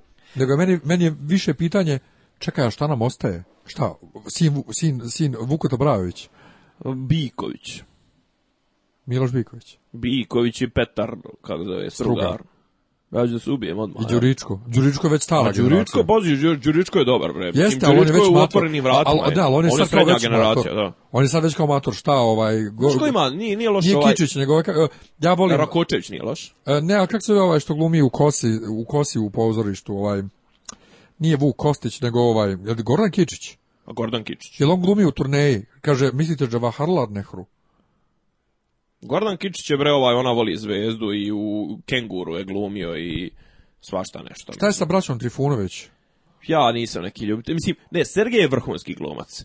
U Stršljenu je odglumio kocar. U, u s predumišljajem je odglumio perfektno, pazi, ali u bistvu s predumišljajem, je film star gotovo 20 godina koliko se ja sjećam, mislim da je taj film 97. 98. Žao mi je što Krunić nije ovdje, ovaj, on je... On bi znao odmah. On bi znao, ali, ne, ali ja nemam problem da pamtim te godine. On je to bre, on je glumio onoga Majora Ozne, onog drkađiju sa Zlatibora koji je došao da otme vilu na Senjaku, onim, onom bolesnom, e, bolesnom paru, ljubavnom paru koga glume recimo Ana Sofrenović i njen muž, ovaj, kako se on zove, lepi, ovaj, iz lajanja na zvezdu. Dragan Mićanović. Dragan Mićanović, recimo. On ima neki bolestan odnos u tom filmu, on su na neka familija, a, a dedu glumi Bata Stojković. I tu je, ovaj, kako zove, Trifunović je odglumio kao car. I gdje god, i u srpskom filmu je recimo, ne znam, izgledao srpski ne, film. ne, i ne planiram. Od, mislim, on, on dominira, iako Žika Todorović recimo nije loš glumac srednje generacije. On je fizički orbojan može da ti bude odbojan, ali glumčina. Pa nema o, veze, ne mogu gledati. Pa dobro, e, jo, čekaj, miješaš, sad miješaš babe i žabe. Ne miješam, brate, pa film je vizualna... Meni je Daniel Day-Lewis, meni je Daniel Day-Lewis... pa njega isto ne mogu da gledam. Odvrata, pa njega isto ne mogu da gledam. A glumi breko car. To je, njega isto ne mogu da ovaj, gledam. gledao ovaj, There Will Be Blood. Ne, ne mogu da ga gledam. Ne volim ga, ne mogu Jebote, mislim, ne mogu da vjerujem da, da biraš filmove, sad sam iznervirao. Pa ne biram film, brate, film pa je vizuelna umetnost, ja ne mogu da gledam. Ko što ne, ne mogu ružne ljude. Ko, nije što je on ružan, nije, problem ružan čovjek, mislim, meni malo ko stvarno ružan. pa ružan ti je Samway, ovaj, ovaj... Se, kak zove, Tarvel, pa mora no? gledat Game of Thrones. Sam Tarvel, jel Tarvel se zove? Debeli Sam. Debeli Sam. Nije ružan uopšte. Aj nemoj sra. Pa nije. Pa meni brati Marija Šerifović nije bila ružna iz one faze sa zaljepnom kosom. Ali isto kao što ne mogu Božidar Đelića da slušam ovaj kad priča. Što, što je pičkica. Ko? Božidar Đelić. Ne, Miki Maus, taj, taj glas koji pa ima. Pa ima glas ko pičkica. Pa to, znači, gađa mi frekvenciju neku mozgu koja Neprijatno. izaziva agresiju, bukvalno ima potrebu da razmijem TV, tako Žika Todorović i Daniel D. Lewis mi izazivaju e, reakciju fizičku, fizičku neprijatnost. ne samo to, brate, ne mogu da gledam, znači ne mogu, naprosto ne želim. Ali ovaj volio bi da vidim još jedan film, dobar film sa ovaj, ne znam, Draganom Bjel, Bjelogrlićem, Nikolom Kojom. E, meni je da recimo Dragan Bjelogrlić mi je propo, što bi rekli. Pa jeste, i Nikola Koja je propo. A, ali Koja je ostao... Mislim, nije propo ko Petar Božović, pa ali... Pa, ostalo, ostalo je nekog šmekerluka u koji, pazi, ono, jest, ne znam, izgleda ono, ono je krš od serije, ono je što ono kao ljubav ili nešto gdje on onog vlasnika kafića, a i tu još je simpatičan, ali Bjela je baš nešto podbuo, brate, sad se nešto ono... Ali ja bih volio, dakle, još jedan film s i od ove novije, kao nije više nije novija generacija, ovaj sveštenički sin ovaj, u Huddersfieldu je glumio i u, u, ovim serijama pa, a Glogovac? Glogovac, Glog, da. A Glog je vrhunski glumac. Glogovac jako. Glogovac, Glog... evo ti dvoje glumaca naših koje mogu uvijek da gledam, Anica Dobra i e, Glogovac. Ali Glog, Glog i ovaj... Miru tri, Furlan, I Trifunović su bre iznijeli ubistvo s predmišljajem. Pa, a ja nisam gledao to. Jo, to moraš da gledaš. Ima tih par filmova 90-ih koji sam prvo, prvo, to, to ima dobru priču, to je Slobodan Selenić napisao roman i onda je po tom romanu je napisao, ne mogu da setim ko je režirao. Ovaj... Ali viš, turne, meni je turneja recimo dobar film, iako mnogi kažu ne valja. Meni je super, je nešto zato što glume sami sebe, zato mi je super. Imaš recimo ovaj Znaš, sad Mira Furlan, kad Furlan kaže ovom, uh, kak sam zove, Josifu Tatiću, mm -hmm. e moj, kakav si bio frajer prije 20 godina. Tale. A prije 20 godina je glumio Jataganca i svi se ložili Josipa Surovog. Dobro, to je ovaj, već ranije. To je pa da, da, ali ja Tagance. je baš. Da, da, ono, da. To pa ono. Pa dobro, Josip Tatić je bio, ovo sad pretvorilo se u istoriju srpskog filma. Pa ne, u moji izvini, moji tvoje, moj izvini tvoje. Izvini bato, ovaj, ali kažem, e, dobro, potego si teško pitanje šta nam ostaje u srpskom filmu, šta nam ostaje u srpskoj kinematografiji nakon odlaska Bate Živojinovića. I Ne samo nakon odlaska njega, nakon odlaska njega ovog Bate e, Dragana Nikolića, da. I svi koji su otišli sad u skorije vrijeme. A skorije. A dobro, znaš kako odlaze veliki, odlaze konstantno. Ali nije to problem, ja pogledaj Hollywood. Kad je otišao Pavle Vujić. Ne, ne, ali pogledaj Hollywood, pogledaj Hollywood, tu se stalno pojavljuju neka nova imena i stalno, stalno neko novi dobija šansu. A kod nas ja stvarno mislim ima prekid, puno talenta. Je, e, prekid je bio u, u tom kako da kažem, kad je postao taj nepotizam na FDU je postao nepodnošljiv. E, A stani, ali zašto uopšte FDU bitan? to, gomila američkih glumaca nemaju nikakve škole glumački za sebe, a stup, super su glumčine. Zašto mi imamo taj elitizam mora da bude sa FDU? Pa evo sad ću ti reći. Zato što je, nam je produkcija toliko jadna da ni ti sa FDU ne mogu da zarade ništa, moraju da glume po reklamama i vode kvizove. Jebote, Boris Milivojević koji je isto jedan od boljih glumaca mlađe generacije mora da vodi onaj krš na, na, na B92, onaj zlatno žito, pođe reći, zlatni krug. Znaš onaj kviz, ne, da ti ne gledaš Ne, ali ja znam, vjerovatno je to kao onaj njemački, mislim da je to neko pričao u njemačkoj rukcu, kao na brzaka, gdje jedan dobije Tako pitanje je, ono, pa imaju... na, čelu mu piše pitanje, onaj drugi treba da mu asocijacijama da... Eh, da, a ne smije da ponovi što je prethodni rekao. I, i, to je druga igra, ali to je to. Uglavnom, on vodi sa, recimo, Sofijom Rajović. Sofija Rajović je glumila u Mamuli. Ne znam, je gledao Mamulu? Jesam. E, pa ona je ona domaća riba, ona. Ona što je sa onim čelavim. Crna. Ona dobra, one dvije strankinje su krš. Crna, crna, ja. Ona što progovara jedno četiri porečence. Ja, ono ali malo je tamnoputa onako, jel da? Pa jest tam, ja. Kosu, malo, ja. e, ali ona je žena krš glumac. Mislim, generalno malo je krš film.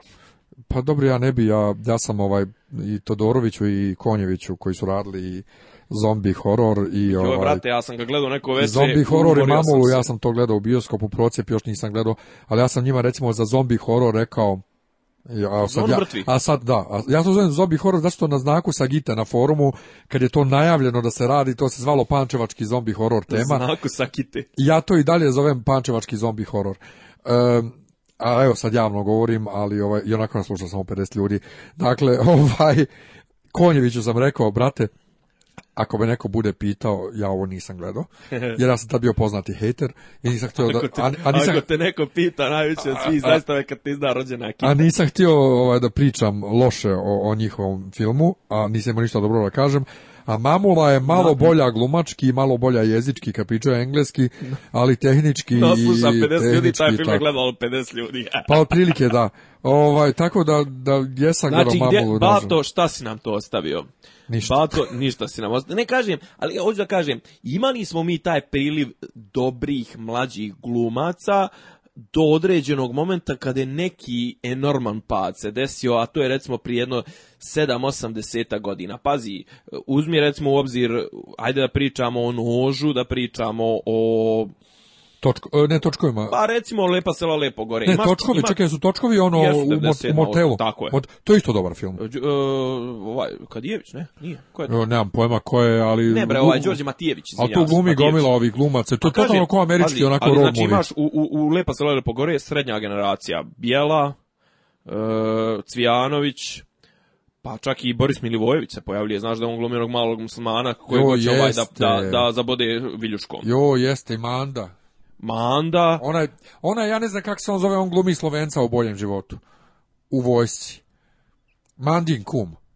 A, Petrović, Dragan Petrović. E, šta je problem? Dragan Petrović ti je neka afora, on je među njima najtanji glumac, on ti je neki kurac na FDU. On je čak, mislim, rektor FDU-a ili bio, bio, bio predstavnik u Senatu uh, Univerziteta umjetnosti ispred FDU-a. E, imaš... E, koga još imamo, u, imamo dobro, rekli smo, Koja, Koja Bjela, e, Cvijanović, e, e, dobro, Nikola Pejaković nije glumac, ali, ali dobar u tom filmu. Ovaj, imaš, imaš ovaj, tu ekipu.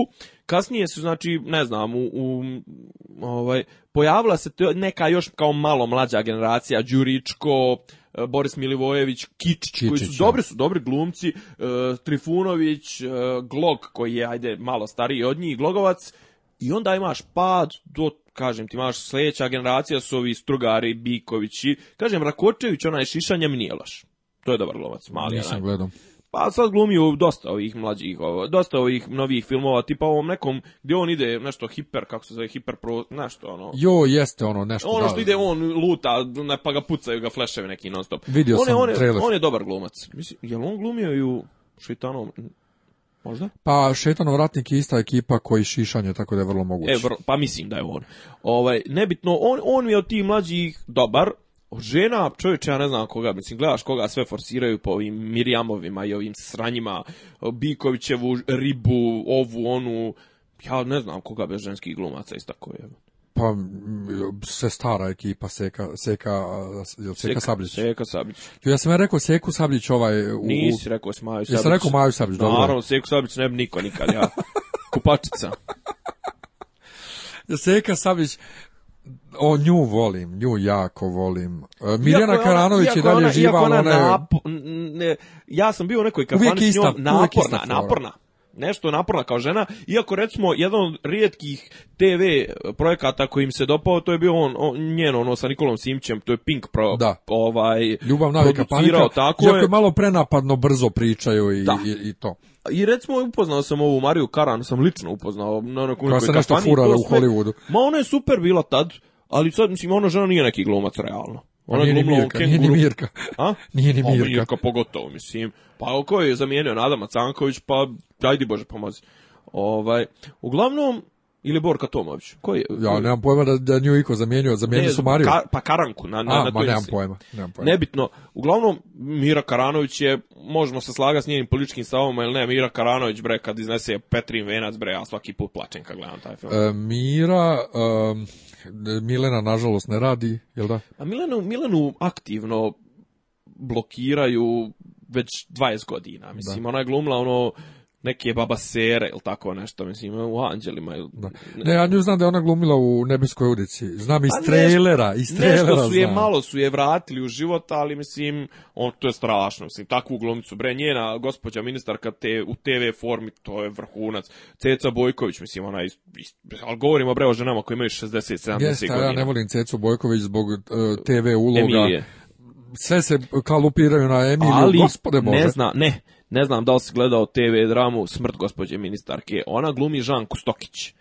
To je to je, recimo, to je, to jedna, jedna forma koja kod nas i, i dalje se još snima, ali nešto, nešto nekako ni se emituje, niti ja imam nešto više živaca, to gledam, ali ti TV filmovi koje je, recimo radio, televizija Beograd stalno snimala, recimo smrt, e, smrt smrt, tu Karađorđa glumi Marko Nikolić. Ali Karađorđa zapravo tu u tom filmu uopšte nije bitan. Bitniji je Miloš Obrenović koga glumi Berčak. Ako se njegov ljubitelj potraži to na YouTubeu traje sat vremena snimano na Kalemegdanu i u konaku knjigne ljubice. To je takva drama. On, on i žena mu je Gorca Popović. Gorca Popović ga napada, a tačnije kad su mu donijeli glavu Karađorđa, zašto je ubio kuma? To mislim da je inače proglašeno recimo za najbolju TV TV film ili TV dramu srpskog glumišta snimano negdje sredinom 80-ih, ja su uvijek naježen kad to gledam, to je, to je takav ono, znači sa možda tri kamere i pet glumaca je napravljena takva drama gdje se on pravda i ženi i svima i pljuje, ne znam, ono, kao Turcu ga natiral da im donese u glavu, da dokaže da je lojalan, pa ga on neće dirati, a žena ga napušava gdje ćeš kuma da ubiješ. To je vrhunska drama, pogledaj obavezno. Što od mlađih žena, kad već kukaš da, da samo Mira starije... Furla, Mira Furlan, ima 50 Ma, i godina. stara, ali mislim... Druga stvar, Mira ja Furlan mislim, ona je lijepa, ali nije ona neki glumac. Mislim, ona je uvijek ljubila sa zagrebačkim akcentom u onim crnogorskim filmovima Živka Nikolića, kako se zove ovaj kad su nudistička plaža. E, nije, nije čudo neviđeno, nego ovaj, ljepota poroka. Eto, da. E, onda recimo u, u otac, na službenom putu, ona glumi sa zagrebačkim akcentom. Ne znam kako u boljem životu, mislim da priča Ekavski u boljem Šta životu. Ona, u, boljem životu glumi onu iz, iz Gigine ovaj, firme što se spanđa da. sa grčkim pjevačem. Onim. Da. Onda ženu, ženu Dragana Nikolića, on, on je muž. Ne sjećam se. On ima, ima glumi ovog e, glumi u sa Lauševićem i i ovim Slavkom Štimcem u onoj mini seriji filmu Braća po materi, on treba tu da glumi Srpkinju iz, iz Knina, a opet vuče nešto na, na, na, na Zagorski, na, na, na... Men se u turneji jako dopala, ja nju obožavam u seriji Izgubljeni, znači, gdje glumi ludu francuskinju, ludu francuskinju sa, sa ovaj... Gdje ona još ono, u, Nije, nije, Babylon 5. Babylon 5. To je 90-ih. Kad se Babylon nešto... 5 svake godine klao za nagrade sa dosijom X Jel? Da, znači Babylon 5 je bio jako ja popularna serija, se ali ona je tu imala onu prostetiku na licu, da. bila je ali u Lostu glumi dakle ludu francuskinju koja je 16 godina na ostrvu i trči kroz ovu džunglu sa snajperom, a priča sa balkanskim akcentom engleski Ko su mlađe glumice, sjetio sam se. Uh, Branka Katić, Dobra, Vesna Trivalić pa to nisu mlađe. Pa kažem, e, krenuli Ali ima smo, Nataša Ninković, Nataša Ninković. Pa ona je još malo mlađa. Pa da, ona je glumila sa Glogovcem u onoj seriji uh, Porodično blago. A glumila je bre u profesionalcu. I, ali ona je glumila i u ovoj seriji, um, joj, nije seriji filmu onom, tu mi se ogadio Sergej Trifunović, uh, uh, nije spasitelj, kako se zove, Denis Quaid. Mirotvorac. Mirotvorac, gdje ne, ona spasitelj, trudna. Spasitelj, spasitelj, mirotvorac je sa Georgeom Clooney'om. kad da, da miro, dignu... spasitelj, da, spasitelj. gdje ona trudna da silovali je muslimani, pa ovaj hoće da puca u grebu. na ono, kad, za, kad, je za, kad zatuku onog nekog maljem, jel da? Pa to, pa to radi Josif Tadić. A Deskvej, da. A ovaj uh, Trifunović, onoj neni, odsječe prste.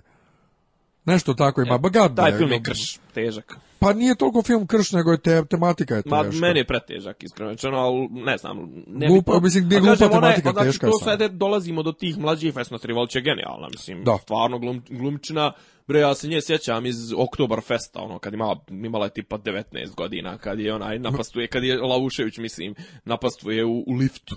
Meni ona ovaj. prva, prva asocijacija na nju mi je bolji život, ja sam nju tada upoznao. No, meni su otvorena vrata, mi ga. Mislim, to je poslije. To, to, da, ali kažem, tu dominira baš. Mislim, to je inače uloga koja je definisala. Ovo, ovaj, I kažem, poslije toga sad dolaze ove neke, okej, okay, ajde recimo Sloboda Mićalović mi nije laša. A recimo Katarina Radivojević mi je... To je užas. Mislim, pa ja, sam nju vidio ona je raspon, par Ona je, raspon, ona, ona je minimalni raspon svog intelekta koji je srazmjeran rasponu, koja je srazmjeran rasponu glasa Bajaginom, mm. E, pokazala kao sudija, kao sudija u tvoje lice zvuči poznato gdje ti vidiš koliko je to glupo i neobrazovano da je to da je ona to, da je tamo otprilike mogla tri porečence da sastavi u tom. To je strašno. To je strašno. Je bilo, je bilo finale? Jest. I ko je pobijedio? I on pobijedio Kajmakovski. Kajmakovski, valjda, ne znam. Ja, sam to prestao gledam u drugoj sezoni. To je. Očajno je bilo Đoša pao za koks, to si čuo. To si htio da, da, staviš kao bullshit of the week bio. Jo, jesam li? Jesi. E ne, čit, čit, tu, da, čitavu tu, pa ovaj...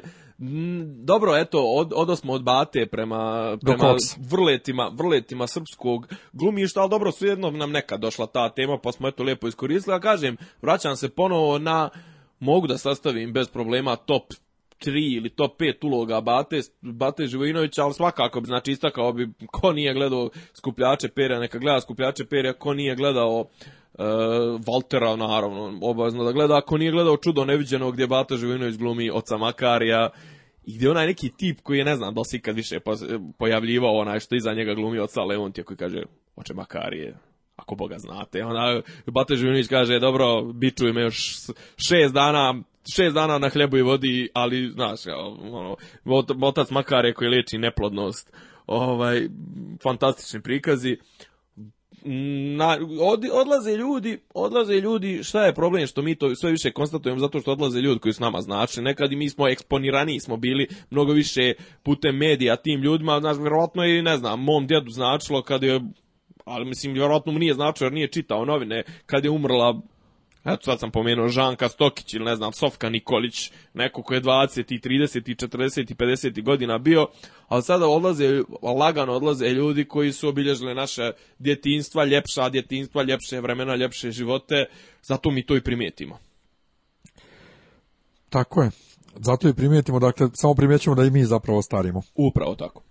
Šta si ti htio da preporučiš? Šta ću ja da preporučim? Ja sam se uhvatio nešto za preporučivanje knjiga, ovaj, Ako? iako ja uopšte puno vremena da čitam, ali ovu čituckam onako od kak sam je kupio i dobio sam još jedan primjerak za rođena, ne gledam sad kome da ga poklonim. E, svi znaju koliko ja volim bijelo dugme i da kod mene na fesu smiješ da diraš i mamu i tatu i boga i crkvu i sve, ne smiješ da diraš lepu brenu i bijelo dugme. Hoćeš da se mijenjamo, ja ću tebi dati ovaj, istoriju, istoriju heavy metala, a ti to. Jo, pa mogu ja tebi ovo dati, ali ne zanima me istorija heavy metala. Toliko, iako ja slušam ovaj Soulfly. Pa dobro. Znači, ovaj Maxa Kavaleru. E, A to zato što je srpski set. And, uh, Nije, nego me moj ovaj, drugar pop navukao na njih i tako. E, ali, dakle, svi znaju koliko ja volim bijelo dugme, imam i tetovažu bijelo posljednje, ovaj, posljednje vrste logotipa njihovog koji je napravila Croatia s povodom 40 godina od prvog albuma, izbacili su monografiju i napravili su logotip u obliku kao medalje sa jugoslovenskim grbom, a tamo u sredini gdje su ovaj gdje, gdje idu baklje stavili su ovaj bijelo dugme i dole ispod godine piše 74 do 88. dakle e, prvi i posljednji album. Ono što ja preporučujem je knjiga e, Dušana Vesića Bijelo dugme šta bi dao da si na mom mjestu. Ja sam Dušana Vesića prvi put gledao u emisiji e, da možda ne 2009. godine na RTS-u Olivera Kovačević naravno vodila, e, tema bila Eurovizija, Milan Stanković išao na Euroviziji, ja sam bio uživo tamo u publici, bili su Saša Popović. Ja, on... Vesić, onaj mršavi, sjedi tako je, Tako, on što izgleda kao narkoman. Ovaj... Matori. Pa, da. da. Matori koji nema više para da kupuje drogu. Ovaj, bili on, bila Slađana Milošević i tu ta neka priča o rock muzici što on tu prospa i priča, to sve nešto nije dopalo. Međutim, u međuvremenu sam saznao da on stvarno naš najveći poznavalac i najveći ljubitelj bijelog dugmeta izgleda u Jugoslaviji pored mene, a samo su od mene dovoljno star da se stvarno i družio s njima i pratio ih od početka i čovjek je za Lagunu napisao knjigu Šta bi dao da si na mom mjestu koja nosi pod naslov Definitivna biografija najveće jugoslovenske grupe. I on tu onako uh, hronološki piše sve šta se dešavalo s bijelim dugmetom i sa grupama e, u koje su e, proistakle i proizašle iz bijelog dugmeta i iz kojih je bilo dugme nastalo. Jedino što zamjerim, to je čisto ovaj grafički urađeno, ima mnoštvo fotografija koje su međutim nek, na mjestimično pogrešno smještene. Dakle, recimo tri strane poslije neke e, konkretne priče, ide slika od, od tog događaja. Ali mimo toga jako je lijepim jezikom napisano čita se stvarno ko uzbudljiv roman koga zanima razvoj Ja ga znam, ja ga znam, ono iz nekog dokumentarca, o, ono, kao da je bilo neka dokumentarac. O, rokovnik. O, I rok, bravo, rokovnik. Zapravo, da, ono, sa onom sa Sandrom, onom, ja, kako se zove, ona crna, ovaj, novinarka. da, sjećam ga se iz te priče, e sad hoću da ti pitam konkretno, ovaj, koliko je dobro taj sarajevski dio priče koji se odnosi na bijelo dugme, mislim koliko je dobro propraćen, e, on, je, on je beograđanin, ali tako? Jeste, on kreće upravo, znači prvo ide bilješka autora, glava jedan se zove Sarajevo. Aha. I e, priča o tome e, kako je... Mislim, neizbježno je pričati kako o Sarajevo. je konstruisana muzika SFRJ. Dobro. Kako je Maltene Tito lično odlučivo iz koje republike će da potiče koje. I za Sarajevo su vezali ovaj Sevdalinku. Dobro. I u Sarajevu nis, ništa mogao 60-ih i 50-ih da radiš osim Sevdalinke, da su oni da imali te klubske svirke i te neke narode, da se, tu je bilo mnogo muke kako napraviti takvu muziku u Sarajevo, odnosno država nije podržavala da se u Sarajevu radi, to nisu imali adekvatan studio za snimanje i ništa, to je bio haos. Tako da, jako je lijepo propratio te godine uopšte prije dugmeta.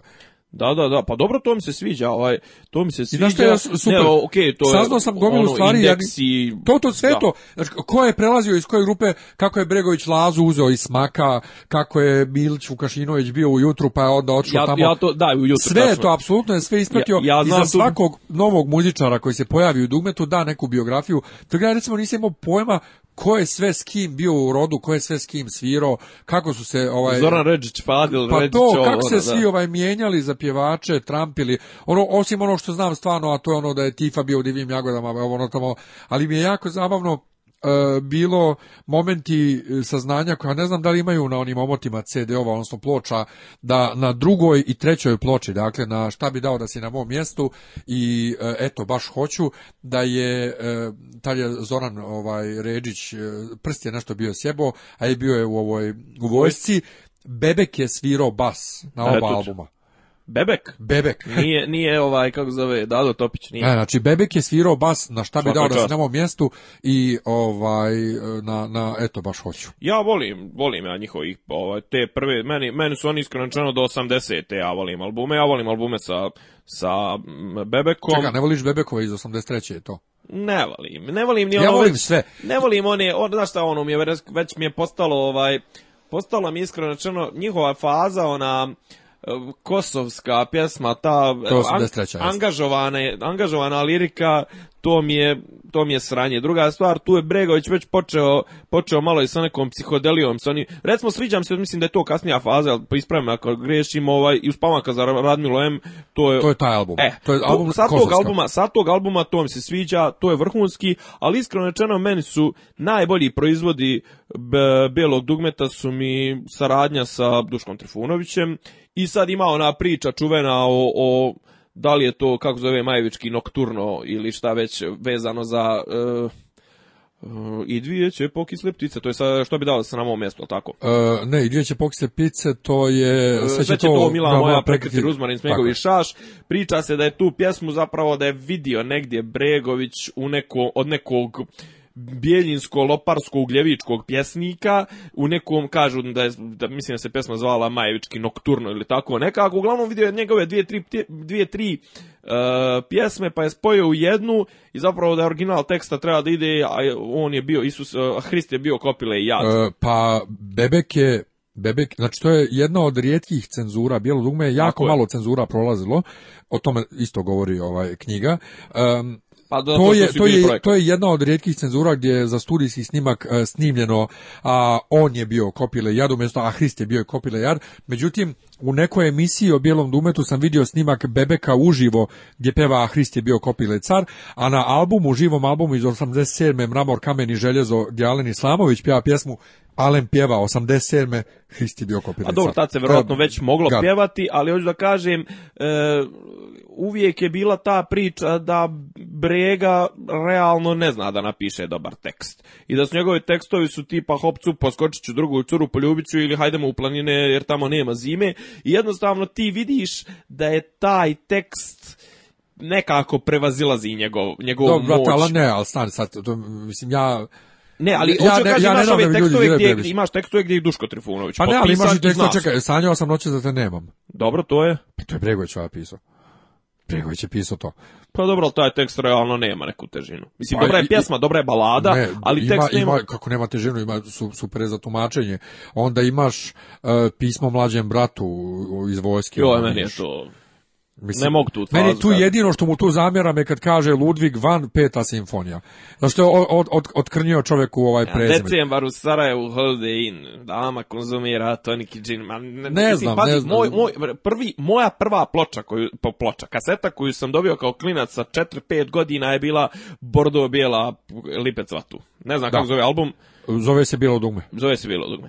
ali ono. znači to to je Kosovka pedik, pubis, eh, a znači imao sam samo bez omota, imao sam samo plot, imao sam samo kasetu. ja sam tu kasetu. vrtio do besvijesti. Znači, i kažem ti Lipec Vatu, sve, ja volim, volim Tifu. A to im je najuspješniji album. Volim Tifu i dobar je to album, ali nema tu tih masnih kao što je recimo meni je, ne znam, meni album, ovaj, šta bi dao da samo mjesto meni to album. pa zato što je to drugi, prvi album koji je sniman u Londonu. nije samo to, nego i tekst, mislim, ima tu i tu gluposti tipa eh, Hopcu poskočiću. Da. E, Vesić kaže baš za pjesmu šta bi dao da si na ovom mjestu da je totalno bez ispala, zato što je taj tekst uh, proseravanje u fazonu, jer kao eh, mojih pet minuta je sada, ja imam puno ženskih i para i snimam dobru muziku, a tvoje ništa će da traje vječno, pa budi srećan s tim, što imaš to vječno no, ništa. kad bebe kaže, to je pet minuta. Da, jesi slušao, jesi čuo Playing the Part, englesku verziju pjesme koja je snimljena tad u Londonu isto.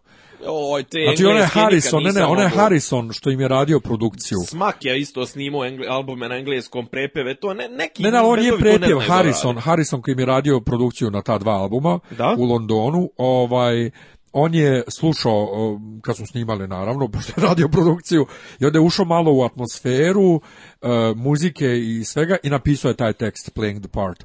Pa kažem, recimo, jel na, tom istom albumu je ono, došao sam da ti kažem da odlazim, pa meni odlična pjesma. Kažem, vrhunski album, ovaj, ovo je sad spremamo temu za sljedeći, ovo što se čuje, ovo spremamo temu za sljedeći podcast, a to je ovaj NBA. Možda budemo zvali jednog drugara koji, koji je stručnjak, da? A kažem, e, pjevanje Bebeka mi je smis, ovaj, meni je najjača, jedna od najjačih stvari. U, e, dobra produkcija, e, kažem, od 80. tačno 80. osjetim neki pad, izvinjavam se svima koje ću da uvrijedim, Tiffin albumi nisu loši. Jedan album. Jedan album, mislim njegov Tifina faza. Ovaj, ovo, kažem, Islamović, već tad je prerasli su bili sebe i počeli su angažovano i to jugoslovenstvo da pričaju. Meni je to, kaže, ali prvi nekoliko albuma, bre, dob, mogu ljudi da nazivaju to pastirskim rokom koliko hoće. Meni su to meni su to bre, ima i progresivni stvari. Meni je sve, znači ja od bijelog umeta volim bukvalno sve. Ja dok nije sad izašlo povodom 40 godina prvog albuma, dok nisu iz ove remastere iz Abbey Roda, ja nisam uopšte aktivno slušao Bebekovu fazu, jer sam ja počeo, moj muzički ukus je počeo da se gradi sa tri stvari. To je uh, Boro, Lepi Boro od Lepe Brene iz 83. druge, koje, je već, ja sam godinu dana otprilike, i Bato, Bato, Bato, Ko mi tebe uze, Tamara, to je Skurejdu iz Ljubljene djevojke od Borisa Nokovića on je jedini koji nije ovaj, preživio muziku, to jest nije preživio u smislu nije napravio veliku karijeru i Lipec svatu od bijelog dumeta. Pa I meni su danas dan ovaj, mi uvijek bio proizvod. Meni su danas dan, dakle, Brena i dugme ono nešto u što ne smije da se dira, s jednom što sam ja svjestan mana jednih i jednog i drugog, ali dugme koliko god da neko voli ili ne voli, ne može niko da negira da su oni najveća grupa koju je Jugoslavija ikad imala. A dogma je bre dobrih stvari. Prvo, prvo bre do, su dobri muzičari bili. Svi su bili dobri muzičari, Bregovića, možeš volt ne volt, Bregović ima, ovaj, kad, znaš, kad su Bregovića pita, ovaj, rekli mu, ovaj, ali vaše pesme svaka liči na nešto. On rekao jebo muziku koja ne liči ni na šta. Tako je. Ovaj, I ja se apsolutno slažem s tim, on je bio bre dobar gitarista ovaj Redžić bre ubio, znači ove bubnjare su mijenjali, ali isto mislim bio je Milić, bio je Ipe Ivanić, je tako? Da. E, moram za Milića da ispričam. Meni se dopalo 2005. ja sam bio među srećnicima na koncertu na hipodromu koji su stojali naprijed pa su sve čuli za ih pozadi, ali ovaj, meni se dopalo kako je Milić svirao ovaj, 2005. na koncertu i sad ovdje on je uskočio da svira na eto baš hoću kad je Ipe u vojsku. Mm -hmm. I snimio bubnjeve, izašao da čuje na studijskim monitorima i ovaj Buharis opustio pustio, ko to svira, jel ja? Ma ne, bi, je, ali pazi, Milić je bre dobar, mislim, Milić je budala, ali je bre dobar muzičar. Mislim, on je čovjek, kakve je on narodnjake napisao, da ne ulazimo sad u to. Uglavnom, možda kaže to, Bebek je, Bebek je meni među top tri vokala bivše juge, bez razmišljanja, a najčistiji što se tiče tih, recimo, bolji, možda bolje visine, bolji glas imao Borsa Ranđelović je smaka, ali nije znao to da kontroliše kao Bebek. A Bregović je upravo ovaj žalio zbog toga što nema pjevača poput smaka koji ima Što nije mazno njega, a ja znam, recimo, ja sam čitao više istoriju smaka, ovaj, pa znam i tu priču. Pa to čak mu je rekao, uzmi ga, eto tu, Ne, ali ti, znam tu priču, ovaj, pa dobro, ali Aranđelović imao problem što malo nije bio siguran internativno. ovaj, ali znam tu priču o otimanju eh, Laze Ristovskog iz vizure smaka, ne iz vizure... pa ima smak nije dao njegovu opremu dok ne nađu novog čovjeka, nešto je to bilo i smak se i danas dan smije onome što je Laza svirao u dugmetu, za razliku od njih virtuozosti koje je svirao u smaku. A dobro, ali znaš kako, ne, od njih ne stvara simfoniju, treba bre rock and roll. Uvijek meni, meni su iskreno rečeno od smaka najbolje stvari koje nisu kompleksne, koje vuku neki vuku korijen ili iz nekih standarda bluza, kao što je ne znam El Dumo ili ne znam, ovi šumadijski bluz ili ono što je točak pokrov narodnjake tipa gde si duša, gde si rano. Uglavnom se vratim na dugme, dugme ovaj kad zaboraviš Jul. Yes. To, je, to je pjesma nad pjesmama. E, Mislim, Ja sam pet puta, ne znam, bio sam na koncertu Bjesova. Znači, ne, totalno nevezano. I pjevač je u jednom momentu, odlučio kao da pravi pauzu, kad pravi pauzu da se štima ostatak e, ova ekipe dvoj, dvojica gitarista i bas gitarista sa trećim gitaristom je konstantno u pauzama pevo kad zaboraviš Juli. E, a znaš onaj dio instrumentalni, sad idemo totalno u out sa pričom, ali onaj instrumentalni dio kad zaboravi Juli, ono tam, tam, tam, tam, ratatararam, tam, tam, ratatararam, promuka sam.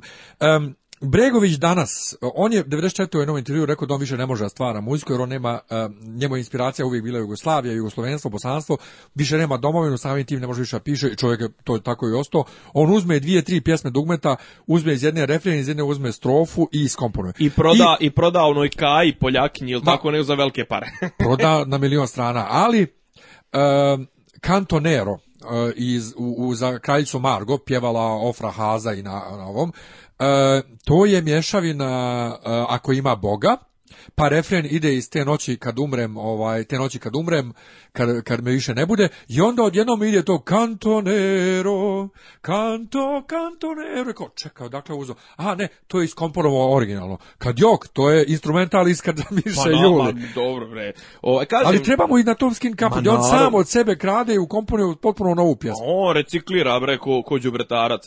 Ovaj, svaka mu čast, zato mi kažem, meni je prva, to prvi pet godina, od 75. do 80. to je ono, jer sam ja imao te ploče, kao klinac sam imao te ploče, ovaj, šta bi dao da je na ovom mjestu to čuvena, ona, omot ruka na dupetu i tad vrlo sporan. Da. da. Svi ovaj, su njima omoti bili tako nešto. Da, i ovaj, i kažem, uvijek si mogao da podijeliš te, te njihove pesme, si mogao da podijeliš, pa duše i kod indeksa si mogao da podijeliš na festivalske lagane pesme i na tešku progresivu, kao što su, ne znam, Plima ili ovaj, e, da sam ja netko. Isto tako si i kod, kod bijelog dugmeta mogao da podijeliš na te lagane, te doskočice, hopcu, poskočiću, da sam, da sam, da sam pekar, ne znam, to. Pa, da kad cijeli, bi bio, taj opus bi bio, Pa kad bi bio bijelo dugme, ma, se, mala bi se zakopčala u e, ume. ali, ali, ali, pa to je prvi album, to je prva pjesma, 10 10, minuta traje, ali onaj instrumentalni uvod u kad bi bio bijelo tam taradam taradam taradam Meni je bolji meni je bolji I kad krene to to tek to je radio ovaj Englez.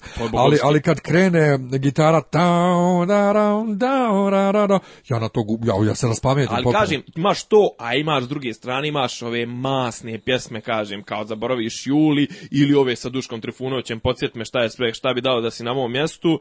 Ehm, Šta je još Duško Trifunović pisao? E, još, ba, svašta nešto. Ali to, znači, to tačno vidiš, mislim, ono, ovaj... Mozak mi uopšte ne radi. A vidiš, brate, da, da, su, da su masne pjesme, ja kažem, o, tvoj bram ima vrhunskih stvari. E, tako da, eto, pa, koga, zanima, koga zanima stvarno lijepo napisana i ovaj detaljna biografija grupe, knjiga ima 350 strana, ima izvore, dakle ima navedene ovaj izvore i literaturu, ima registar ličnosti i bendova gdje možda nađeš na kojoj stranici se pominju i ima o svakom albumu detaljne informacije. Laguna izdala topla preporuka, dakle bijelo dugme, šta bi dao s na ovo mjesto. A šta ti preporučuješ? Jel to jel prevod Nikole Pajvančića? A to mi je drugar sa, sa Mađar, na ovaj, mađarskog, pozdravljam ga, ako kojim slučajem pa, pa dođe do njegovih, do njegovih ušesa, vrlo, vrlo... Ok, onda da ja ne izgovaram nadima koje ja imam. Vrlo, znam ja, znam ja, ovaj, vrlo prijatelj prijatan, pristojan momak. E, recimo da ovaj, uzeo sam ovu, da čitam ovu, e, kako se zove, priča, e, pesme i leda, jel? Ne, onaj, ono, ona slikovnica, ona, lora. Svijet leda i vatre. Svijet leda i vatre. Ovo, ovaj, nije loše, nije loše. O, neloše, ja kažem, htio sam ove sedmice, htio sam da preporučim hrvatsku rap scenu, ovaj, dalmatinsku i slavonsku, međutim... Sa dječaci? Dječake, kišu metaka, krešu i žuvija. Punjene paprike, punjene paprike, punjene pa to, paprike, punjene paprike. I, i mog omiljenog slavonca, ovaj, kanđiju, koji je genijalan, ovaj, ali kažem, evo, iznenadila me, nije iznenadila me, nego, nego pogodila me smrt Bate Žuhinovića, tako da preporučim mm, Skupljače pera, moj omiljeni film, o kome ću jednog, jednog dana da snimim posebnu emisiju s nekim ko, ko želi to da uradi, prijavite se slobodno. Miljane, završi, zatvori, šta da kažem. Pa ništa, ja vas pozdravljam, hvala što ste izdržali s nama ovaj večeras. Nismo imali puno tema, ali smo svašta rekli. Nikad to nama nije bio problem. Sljedeći ovaj, redovni podcast je sljedeće nedelje, a u srijedu, negdje kasnije uveče, ćemo da imamo i ovaj igru prestola. Game of Thrones. Gledali smo danas ja i ti i svašta se izrašavalo u ovoj epizodi i ljudi su se raspametili. Režiro Jack Bender, glavni režiser eh, Losta, tako je ali sa Isidorom pričamo o tome u srijedu i uveče u srijedu ćete nas slušate. Negdje u doglednoj budućnosti uskoro će biti i X-Men podcast, a do tada ostanite uz nas, pratite nas gdje već, vidjet ćete sve u opisu linka gdje možete nas pratite. Ćao!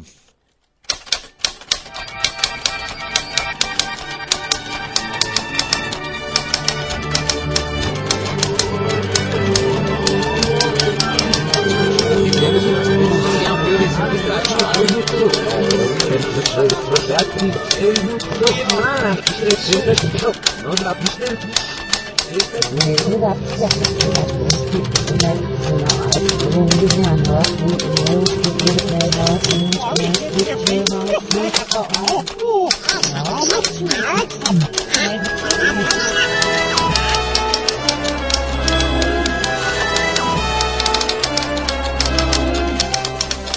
Dopisi iz Disneylanda. Tišina tamo, ništa mi nije smešno.